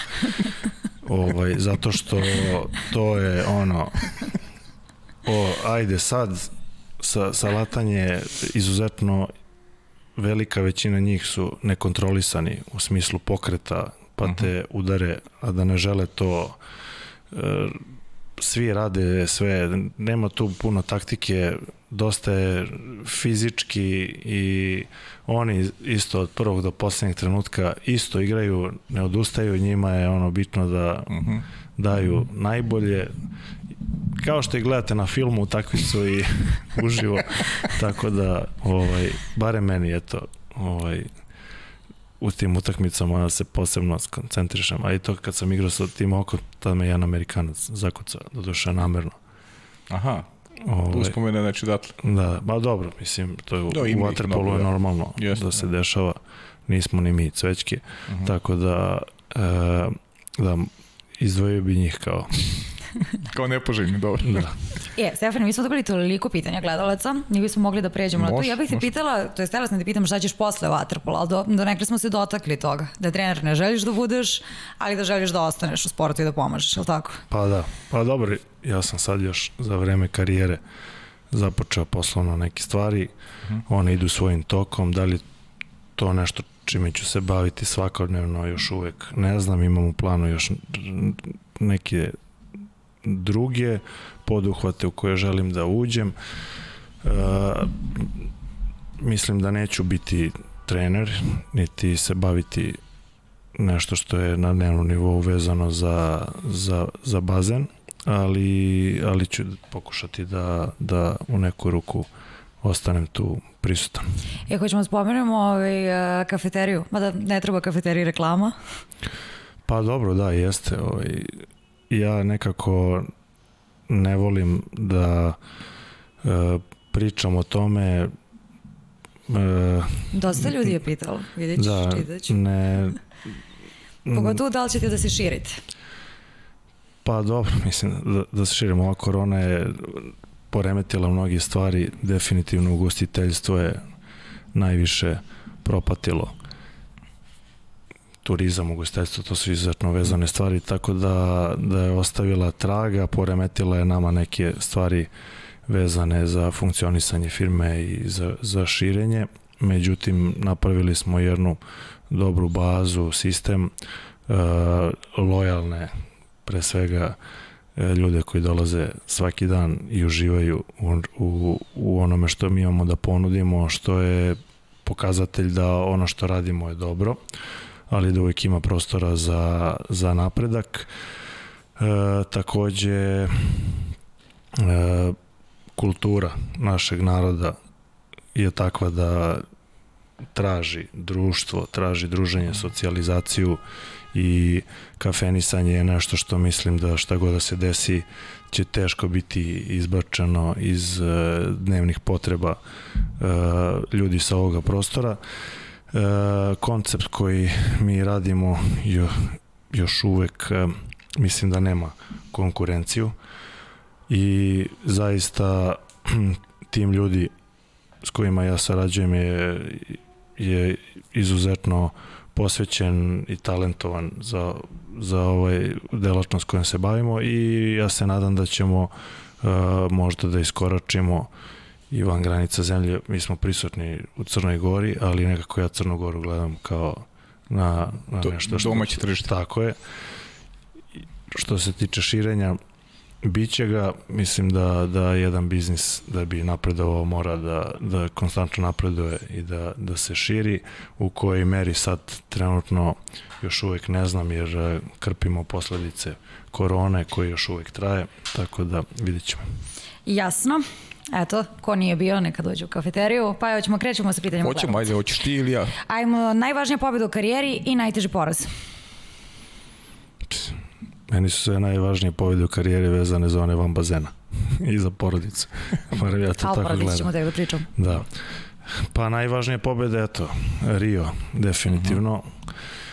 Rim sa Partizanom i zašto da ne i Ferenc Varoš Liga šampiona mi je izuzetno draga ali svako to finale uh, ima neku neku podjednaku e, podjednako mesto u, u mom srcu i, i sećanju. E, i specifično za, za svako od tih prvenstava koje smo osvojili je da generalno kad se to desi e, nekako ovo sve što si prošao tu težinu bude jedan put e, izbrisana Uh -huh. i uopšte ne gledaš više na taj način i zaboraviš na nju jer mi zaista propatimo ovaj Pošteno.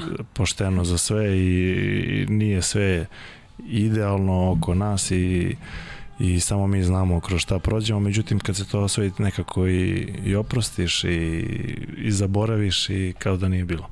E, sad ću, ja ću Čekaj, da najteži pričam. poraz, smo rekli? A najteži poraz? Uf, svaki je težak. Svaki je težak. Možda, možda su mi čak više padali e, neki klubski jer nisam navikao generalno kroz karijeru da, da, da gubim razvijen je i taj karakter to da, da to nije normalno nešto što ovaj nije zdravo razmišljanje, a opet u sportskom smislu ako nema što ovaj bolje da se ne baviš. E, da sam neke utakmice u mađarskom prvenstvu u tim prvim sezonama, sećam se u Ferencvarošu, baš protiv Solnoka smo izgubili, ne znam, 12-4, što je meni bilo ovaj smak sveta, ono, teo sam da idem kući, ne znam. Tako da, eto, bilo i, ta, bilo i takvih situacija. Ja ću krenuti sad od bloka naše drage Sare Radović. E, prvo pitanje, šta je, e, šta je to što mađarski vaterpol ima, a srpski nema? I obrnuto, šta to fali mađarskom vaterpolu, a da srpski vaterpolo neguje? E, mađarski vaterpolo ima uslove, nada se, i ima e, i dalje kulturu ljudi odlazaka na bazen i okupljanja na bazenu što se kod nas izgubilo. Ono što njima fali je e, totalna posvećenost. Oni dalje žive u razmišljanju da su oni najbolji na svetu i da taj njihov e, koncept bavljenja je to je to. Međutim, iz tog kvantiteta ogromne baze dolazi do, do kvaliteta, a e, fali im a, po meni struke. I e, još uvek osim eto žile, ali opet žileta gledaju kao svog, da. da. E, još uvek nisu prekopčali to da, da dovedu nekog stranog stručnjaka u, u, u bilo klubu. ko, u klub, da. Mhm. A ima ih i mislim da bi, da bi im to značilo. Nama fali uslova, ovaj, s druge strane e,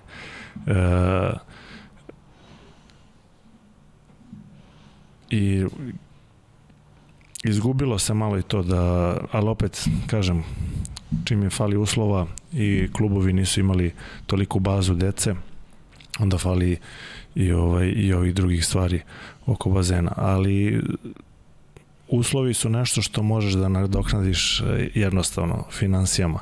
Ove druge neke st- stvari ovaj su teže nadokna, nadoknadive, tako da kažem optimista sam e, ili želim da budem optimista vezan za, za vaterpolo u Srbiji, jer pitanje je samo nekih sredstava za koje mislim da su uh, ovaj, nevelika. Hoće, Hoće- slobodno ajde. sa Sarom. Sa Sarom idemo dalje. Koji klub za koji si igrao bi izdvojio i zbog čega? Možeš kratko. Pa ja mogu da svaki klub izdvojim zbog nečega. Partizan je dom, tu sam odrastao, sva moguća sećanja loša i dobra me vežu za, za taj e, bazen, između ostalog zato sam se i vratio. Um, Olimpijakos, Grčka, izuzetno sam moram da priznam dobro primljen bio tamo, svi znamo za, za animozitet, Mhm. pre svega navijački između crveno-bele boje i crno-bele. E, u, u, moram da kažem da su Grci u neku ruku malo i agresivniji e, vezano za to. Kod nas je čak i normalno da sad, ako je navim Partizan, neko za zvezdu, da se družimo, smo drugari. Kod njih to ide na tom nivou da, da to ne može, ne dolazi u obzir, e, ne ide se u taj deo grada ili ne znam, malo su e, ekstremni, ali sam ja bio jako otvoren, rekao sam im ovaj, moje te neke navijačke strasti u, u kom u kom kutku leže, nije im to baš ovaj nisu bili zadovoljni, ali su me zaista zaista prihvatili i lep period sam imao tih nažalost samo godinu dana. Ferenc Varoš opet klub koji je zvezda recimo i Partizan u jednom, uopšte nema panda 70% nacije navija za Ferenc Varoš to je ovaj jedna situacija za sebe i tamo sam se osjećao ovaj lepo tako da, da svaki klub nosi nešto za sobom. Mhm. Kako bi opisao svoju karijeru u tri reči i dalje smo kod Sarinih pitanja? Moja karijera e, pa ne mogu da je opišem jer nisam još prestao. Još uvek se bavim. Dobro, znači smisli te tri reči kad budeš sledeći put gostovao. Da Tako znaš. je, da. Dobro. Gol koji ćeš pamtiti. Ps. Možda taj iz Rija, ne? Ne, ne znam. E, pamtit ću jedan go da, e, mlađim kategorijama. Glavom sam dao i onda me je zvao sudija ovaj, da mi kaže da je to omalovažavanje, omalovažavanje protivnika i da to ne radim, već da mi izbaci. Tako da, ali to je, opet vraćam se na to odrastanje i oblikovanje kao čovjeka, što je u principu i jeste. Ovaj, da ti ne treba svoju neku nadmoć da prema slabijem pokazuješ na, na teke, neke načine da ćeš u stvari da ih omalovažaš. Mhm. Nego, Da, da, da. da, ih u, pobediš u pravom sportskom Da. smislu. A, a, da li je možda povratak u Partizan najava završetka karijere ili je to još uvijek nije u planu? Pa dobro, da, nije u planu, s druge strane i normalno je da se karijera privodi kraju, da li će to da bude posle ove sezone, posle sledeće, posle dve, to ćemo da imamo. Rekli smo, ja definitivno više dugoročne planove ne mogu da pravim, tako da prepustio sam se ovaj Pantareji pa ćemo da imamo. E, koja je razlika između vaterpola u Grčkoj i Mađarskoj? U pristupu treninzima i samom odnosu prema sportu strane igrača i okoline? Ogromna. U? Grčkoj je amaterski sport, Mhm. u Mađarskoj se gleda kao profesionalni. Tako. E, koja, koga bi izvojio kao najtežeg protivnika, a koga kao najzahvalnijeg, najpodobnijeg saigrača?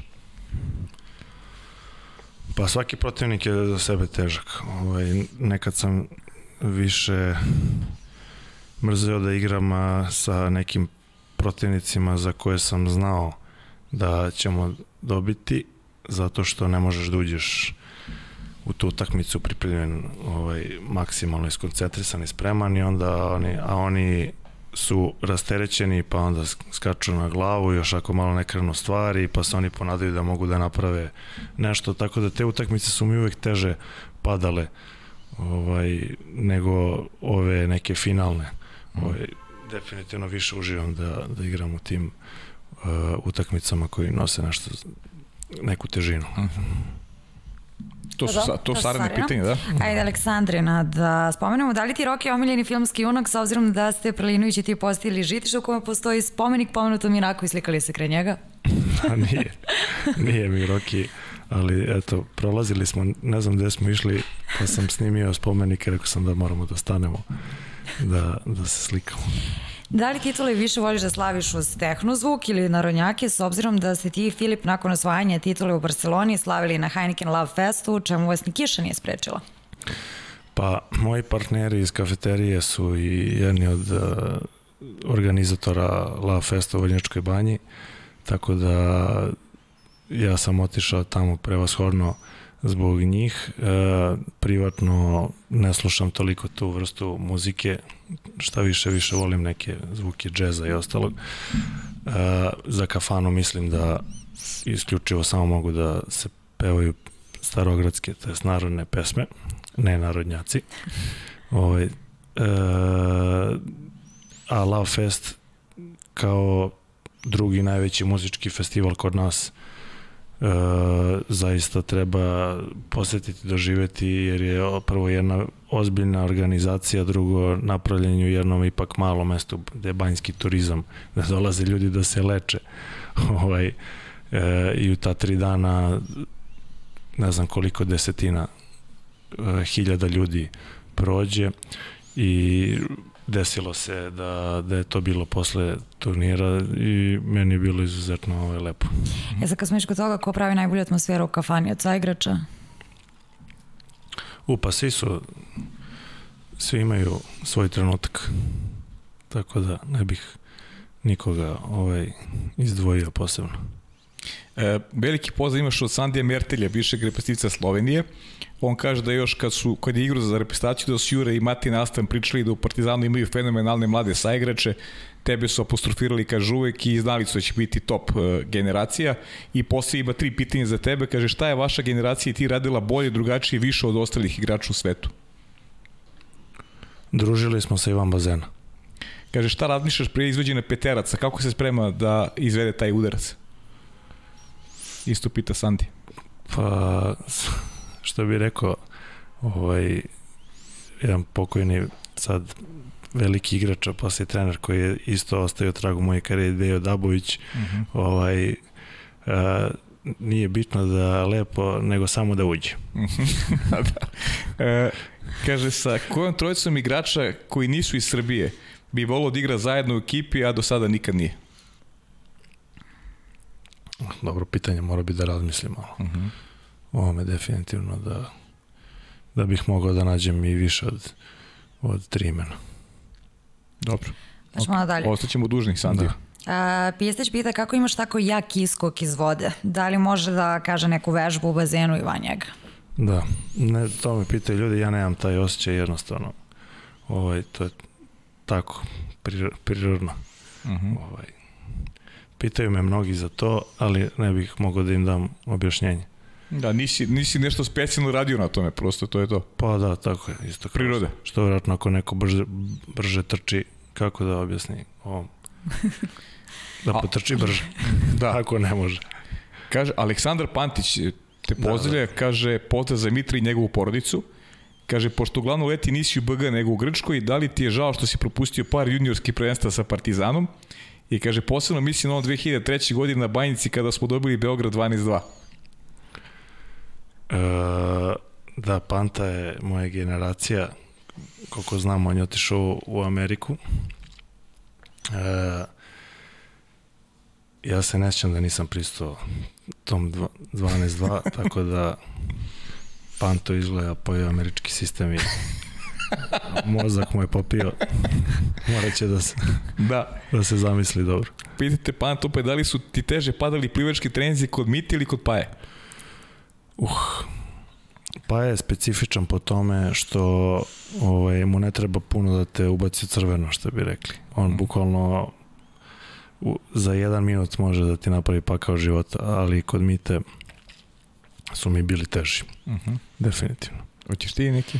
Hoću, evo Vuki je pitao uh, da li planiraš da širiš kafeteriju u inostranstvu, to smo odgovorili. E, ja bih ti samo rekla da sam dobila jedno 15.000 poruka u ime navijača Partizana, želim da mu se zahvalim na povratku u naš voljeni klub, uh, da im je drago da si se vratio, sada ne čitam sve redom, veoma kulturan i vaspitan momak, pravi uzor mladim sportistima, pa eto čisto da ti kažem koliko si dobio pohvala, ali ajde evo od Lena, koji igrač ima najviše potencijala i talenta po njegovom mišljenju u sadašnjoj ekipi Partizana. Uh, znate kako, uh, zaista sam kratak vremenski period sad u mhm. Partizanu, imao sam možda 10 treninga pre ovih utakmica, definitivno da potencijal postoji i e, definitivno i ono što sam ja do sad video da ima prostora za, za napredak, ima neke stvari koje jednostavno su i oni sami preskočili u svom uh, trenutnom oblikovanju kao igrača, tako da mogu da promene. E, ne bih nikoga izdvajao prevashodno, jer zato što vjerojatno gledaju ovu emisiju, pa će da se opuste. A sve im treba trenutno u životu, osim da se opuštaju i da misle da, da, da su tu gde, gde jesu, a u stvari nisu.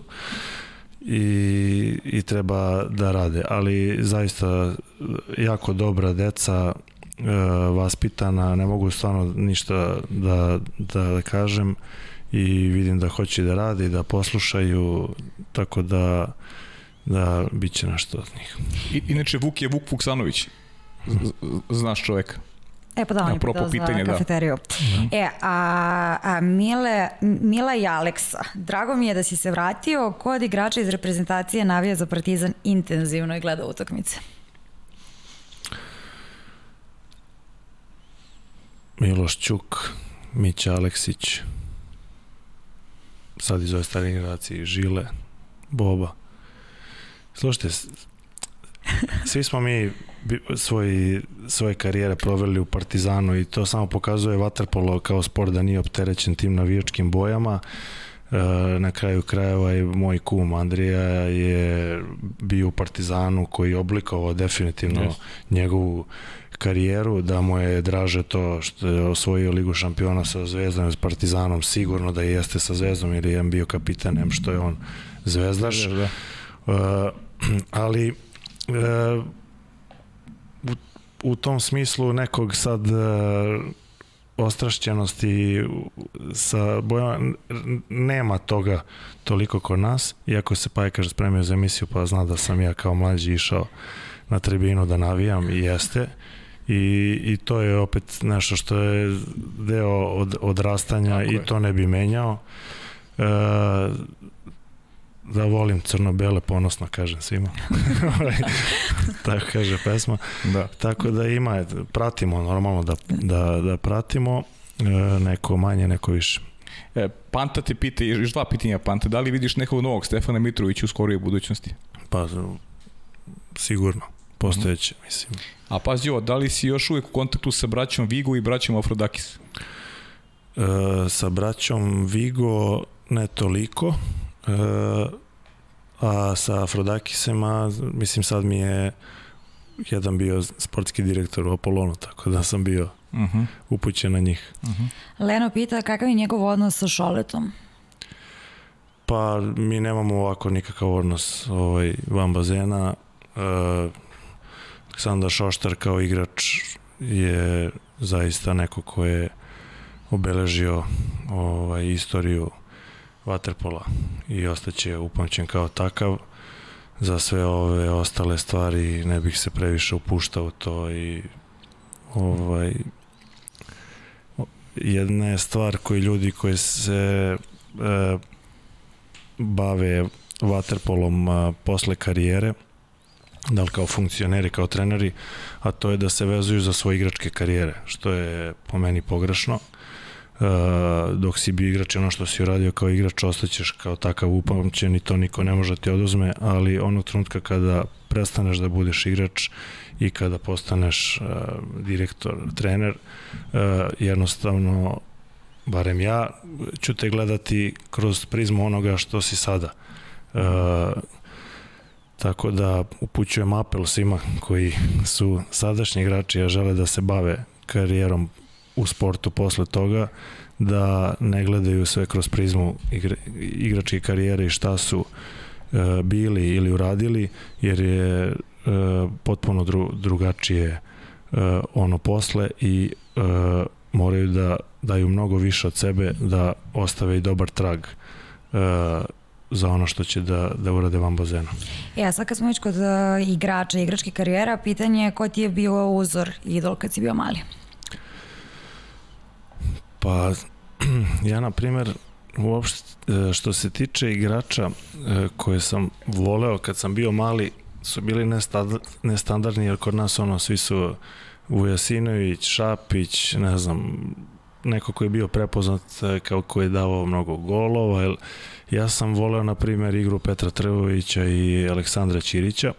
Mislim da su oni bili izuzetno inteligentni igrači i da su e, koristili svoju fiziku e, na neke načine koji su u tom trenutku e, bili avangarda, mogu slobodno tako da kažem, ali sam isto tako voleo i Kašaša Mađara zato što je bio lucidan e, igrao i Mađari su igrali neki drugačiji vaterpolo mi smo bili u tim komunističkim režimima red mislim svude postoje red rada disciplina, ali generalno to se radi, tako se šutira, ja, svi da rade okovi, isto. Okovi, ja. Tako je, da, a u Mađarskoj je to drugačije, pušta se sloboda dosta kod igrača i i to može da se vidi u njihovoj igri. Uh -huh. e, pozdrav od Jelena Stojanović, on ima dosta interesantnih pitanja. Neke smo prošli situaciju Partizana si pričao, najdrže odlični si pričao Liga šampiona. E, koje ti je draži iskustvo s beogradskom publikom, Evropsko prvenstvo areni ili finale pod Pljuskom na Tašmajdenu? Aj, možeš kratko da... Pa drugačiji su finale da. sa Pljuskom, zaista svaka čast ljudima. Ostali su na onom Pljusku, neprijatno je bilo u bazenu, jer mm -hmm. inače kad pada kiša u bazenu to ne osjeća se, nema uopšte taj e, efekat i doživljaj, ali ovo je bilo stvarno ovaj, nešto neviđeno, a kapa dole ljudima koji su ostali ovaj, do samog kraja, pritom što je utakmica bila e, prekinuta, pa posle 40 minuta koliko već nastavljena, oni su i dalje da. bili čekali i hvala im na to. Ko je najzahtevniji trener sa kojim si radio? Uh, najzahtevniji trener.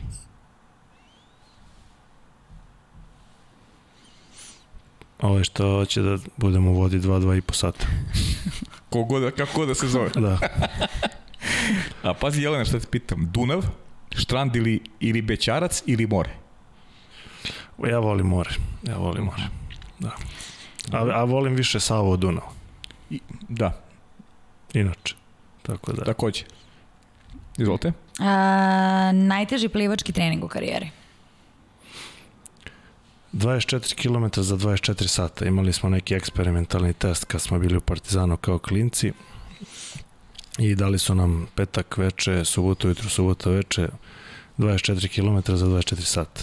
Tu su oni želeli da vide prevashodno, ja mislim, u, u glavi ko će da mhm. otkaže da napusti trening, sećam se povraćanje, vamo tamo, ali ovaj, to ostaje trajne posledice na mene.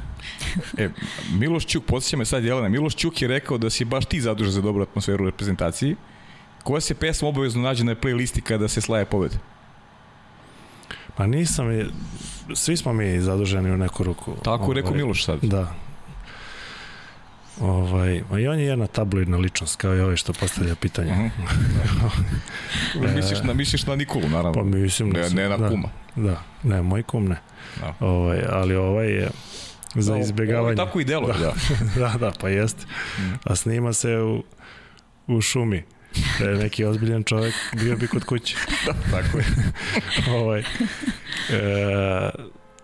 pa ne znam koja pesma.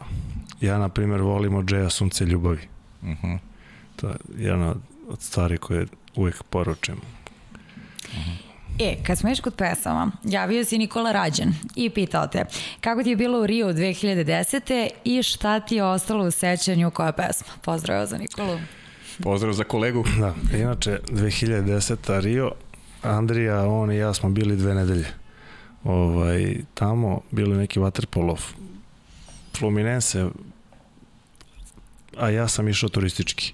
Uh -huh. Ovaj, oni su meni platili tamo sve, ja sam samo, kako se zove, došao turistički i pesma, pa išli smo non stop po tim klubovima brazilskim gde se peva ovaj, ne, ne samba, ima i samba kluba, ali ima taj neki funky ga oni zovu.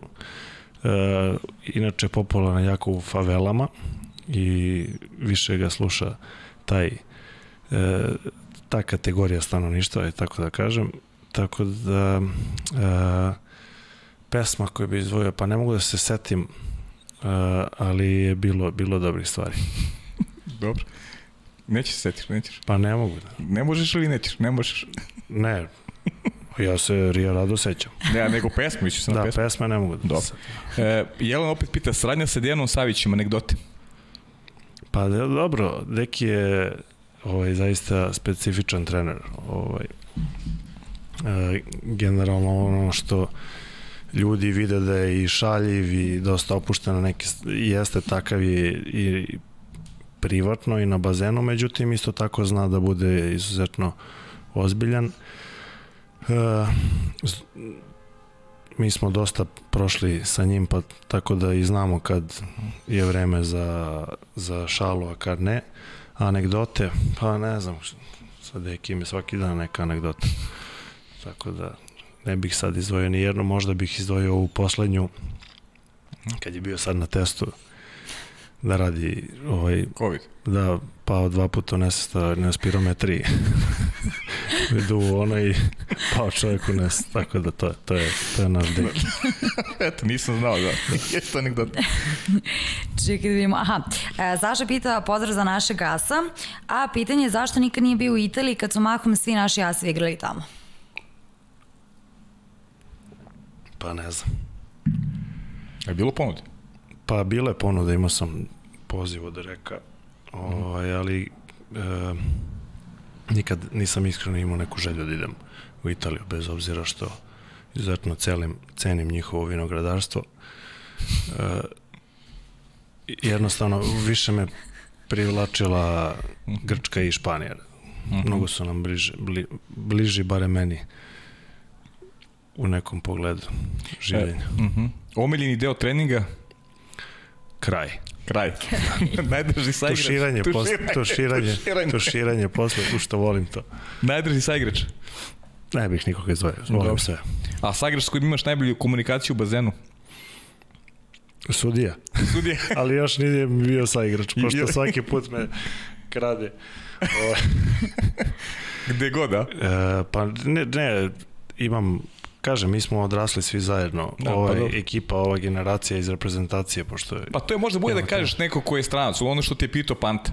Znaš, Da. možda neko od tih stranih igrača sa sam- kojima si ti da, najbolje Sa, sa Denešom Vargom. sa Denešom Vargom. Da, s njim sam igrao u Solnoku i u Ferenc Varošu. E, to je jedini Mađar za koga mislim da bi se uklopio u ono što mi igramo u reprezentaciji, da, da razume vaterpolo na taj način i da ima taj osjećaj. Kad hoće, kad hoće. A, za koji grad i koje zemlje su ti bili omiljeni koje si posjetio? Uopšte, Da. o, pa vo, vo, ne, ti si rekla pre, ja volim isto Barcelonu. Dobro, ajde Atinu, sad sam živeo pa onaj, što se kaže, van konkurencija. Ovaj, gledam je u neku ruku o, o, Beograd, Atina, gradovi koji je u srcu, ali Barcelona, gde volim još?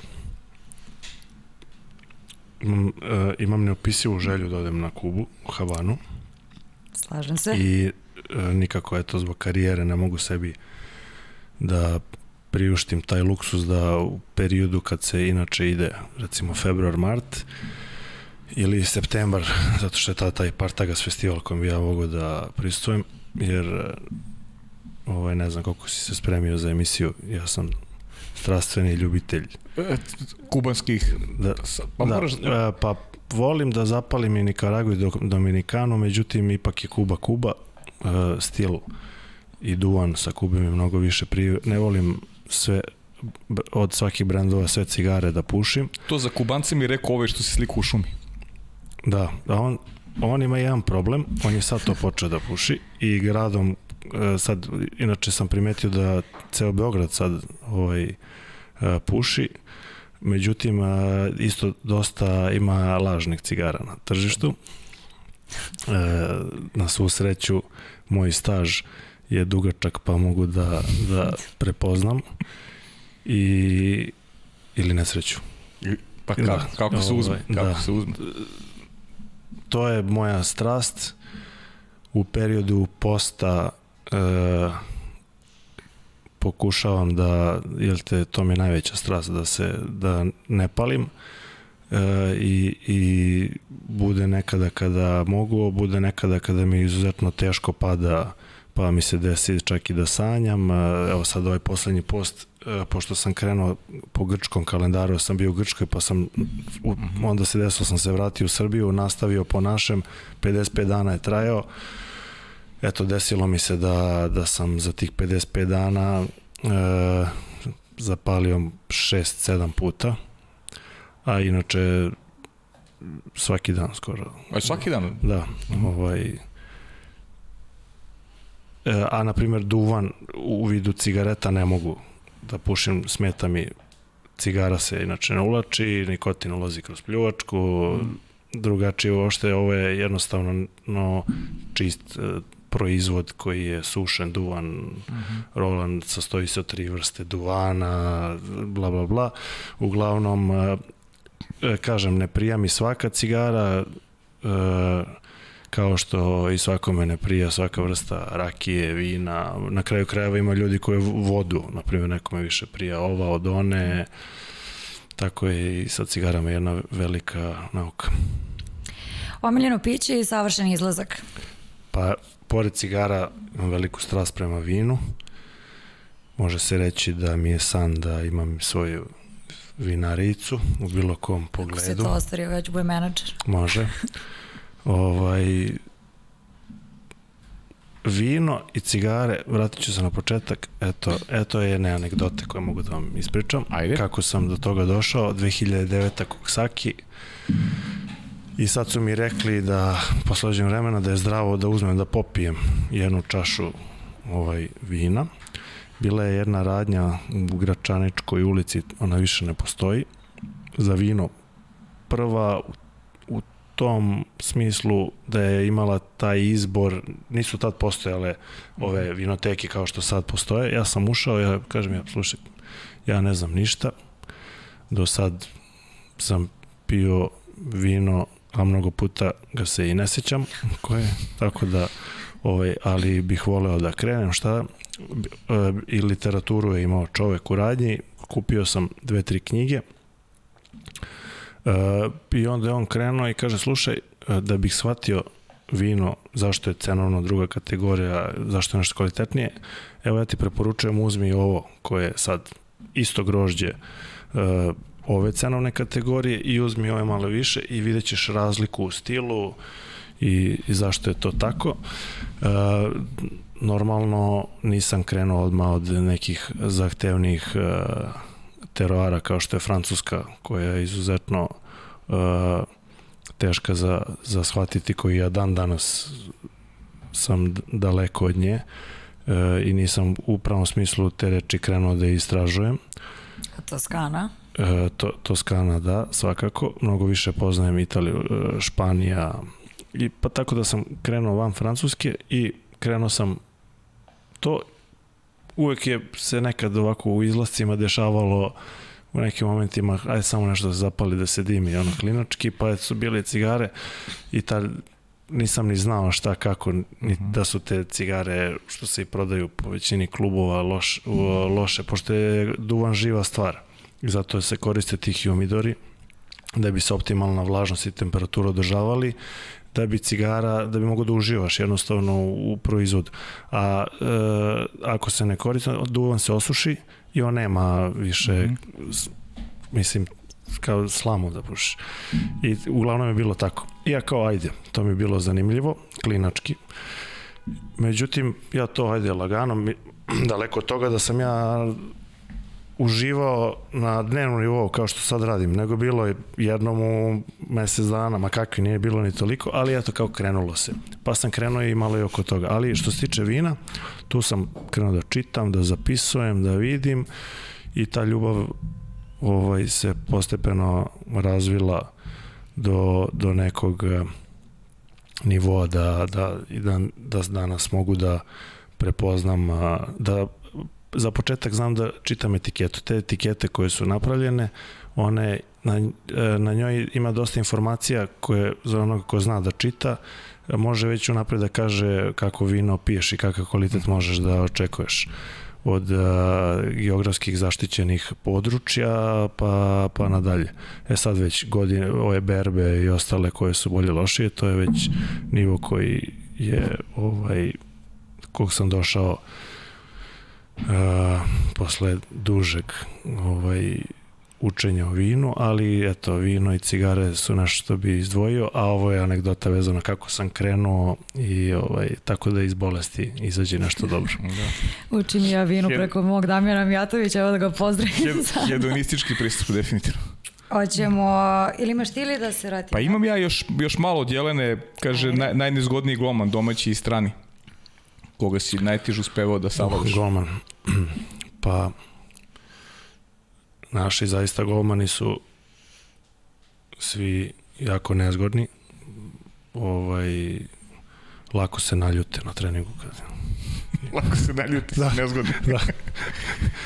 da. Šalim se, pa svaki golman je imao neku svoju neki period karijere kad je zaista bio neverovatan. Evo sad, na primjer, imamo Španca Pinjeda koji zadnjih dve, tri godine brani na neverovatnom nivou. Jedan je od razloga zašto Španija uh mhm. -huh. igra tako.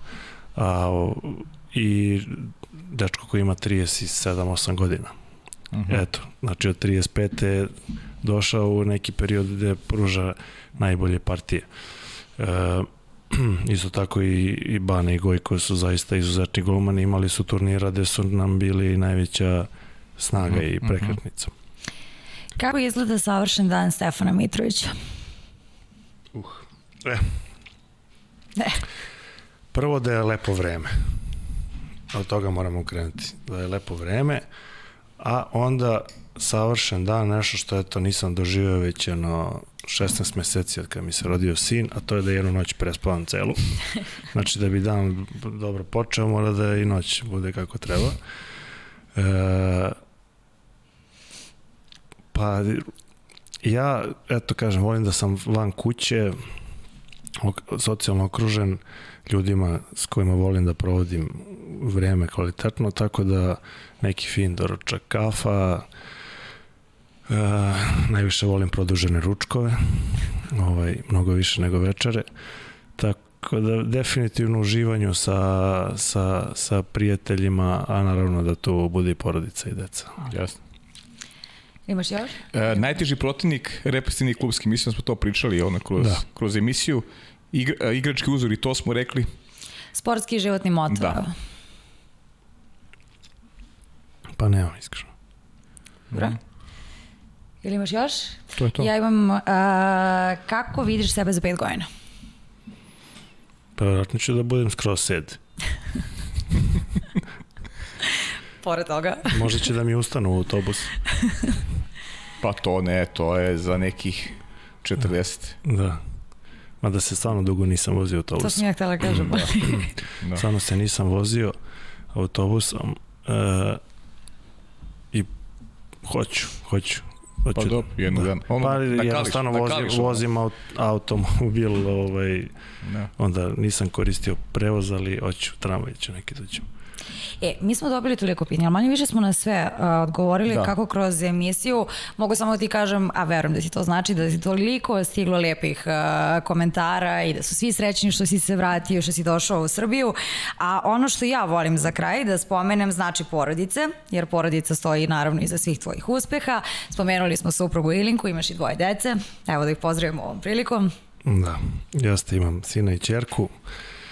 E, iz ove perspektive sada samo pravite žensku decu, pošto ovaj mali je znači, pa kao? Rambo, Rambo, bukvalno. ovaj, ide samo, znači, opasnost, da, to je ovaj, Vasilisa u Beogradu. Uh -huh. A... E, samo kažemo, fotografije imamo zahvaljujući kolegi Andriju Čukiću koji stalno šalje, obogaći ovu emisiju i ove, ove fotografije ću Stefana ti pošaljem. To će biti Može, poklon, eto naš, da imaš, da imaš te fotografije, da. Hvala. E, pa i, jeste, deca, porodica je čudo. Dosta puta e, kad sam zaista i, i nervozan i neke stvari ne idu, dođem kući, sačekaju s vrata, osmeh, on, oni jedva čekaju i onda prosto zaboraviš na to ili lakše sve to absorbuješ tako da sve ima svoje ovaj vreme, mesto, a, a, a srećan sam što kad sam se načinio taj korak da se oženim, da nisam ovaj, sebi bi potpisao smrtnu presudu, verovatno. ja, tako da je mene porodica spasila mnogi stvari. Da. Evo, porodica je Do, najvažnije. Dobro si izbalansiran sad. da, sad ja, pa ja sam da, kao ove gume idem po, kod vulkanizera ponekad na balansiranje, ali dobro. E pa ja sam kao i svako žensko meni ljubav i porodica najvažnija, time završavam emisiju. Tako da ono što mogu da ti pitam za kraj je kako ti se čini ovaj intervju? Da li smo dobro spremni ili ima nešto što te nismo pitali? Pa ne, sve ste pitali, mada vidim da dosta tu imate pomoć publike.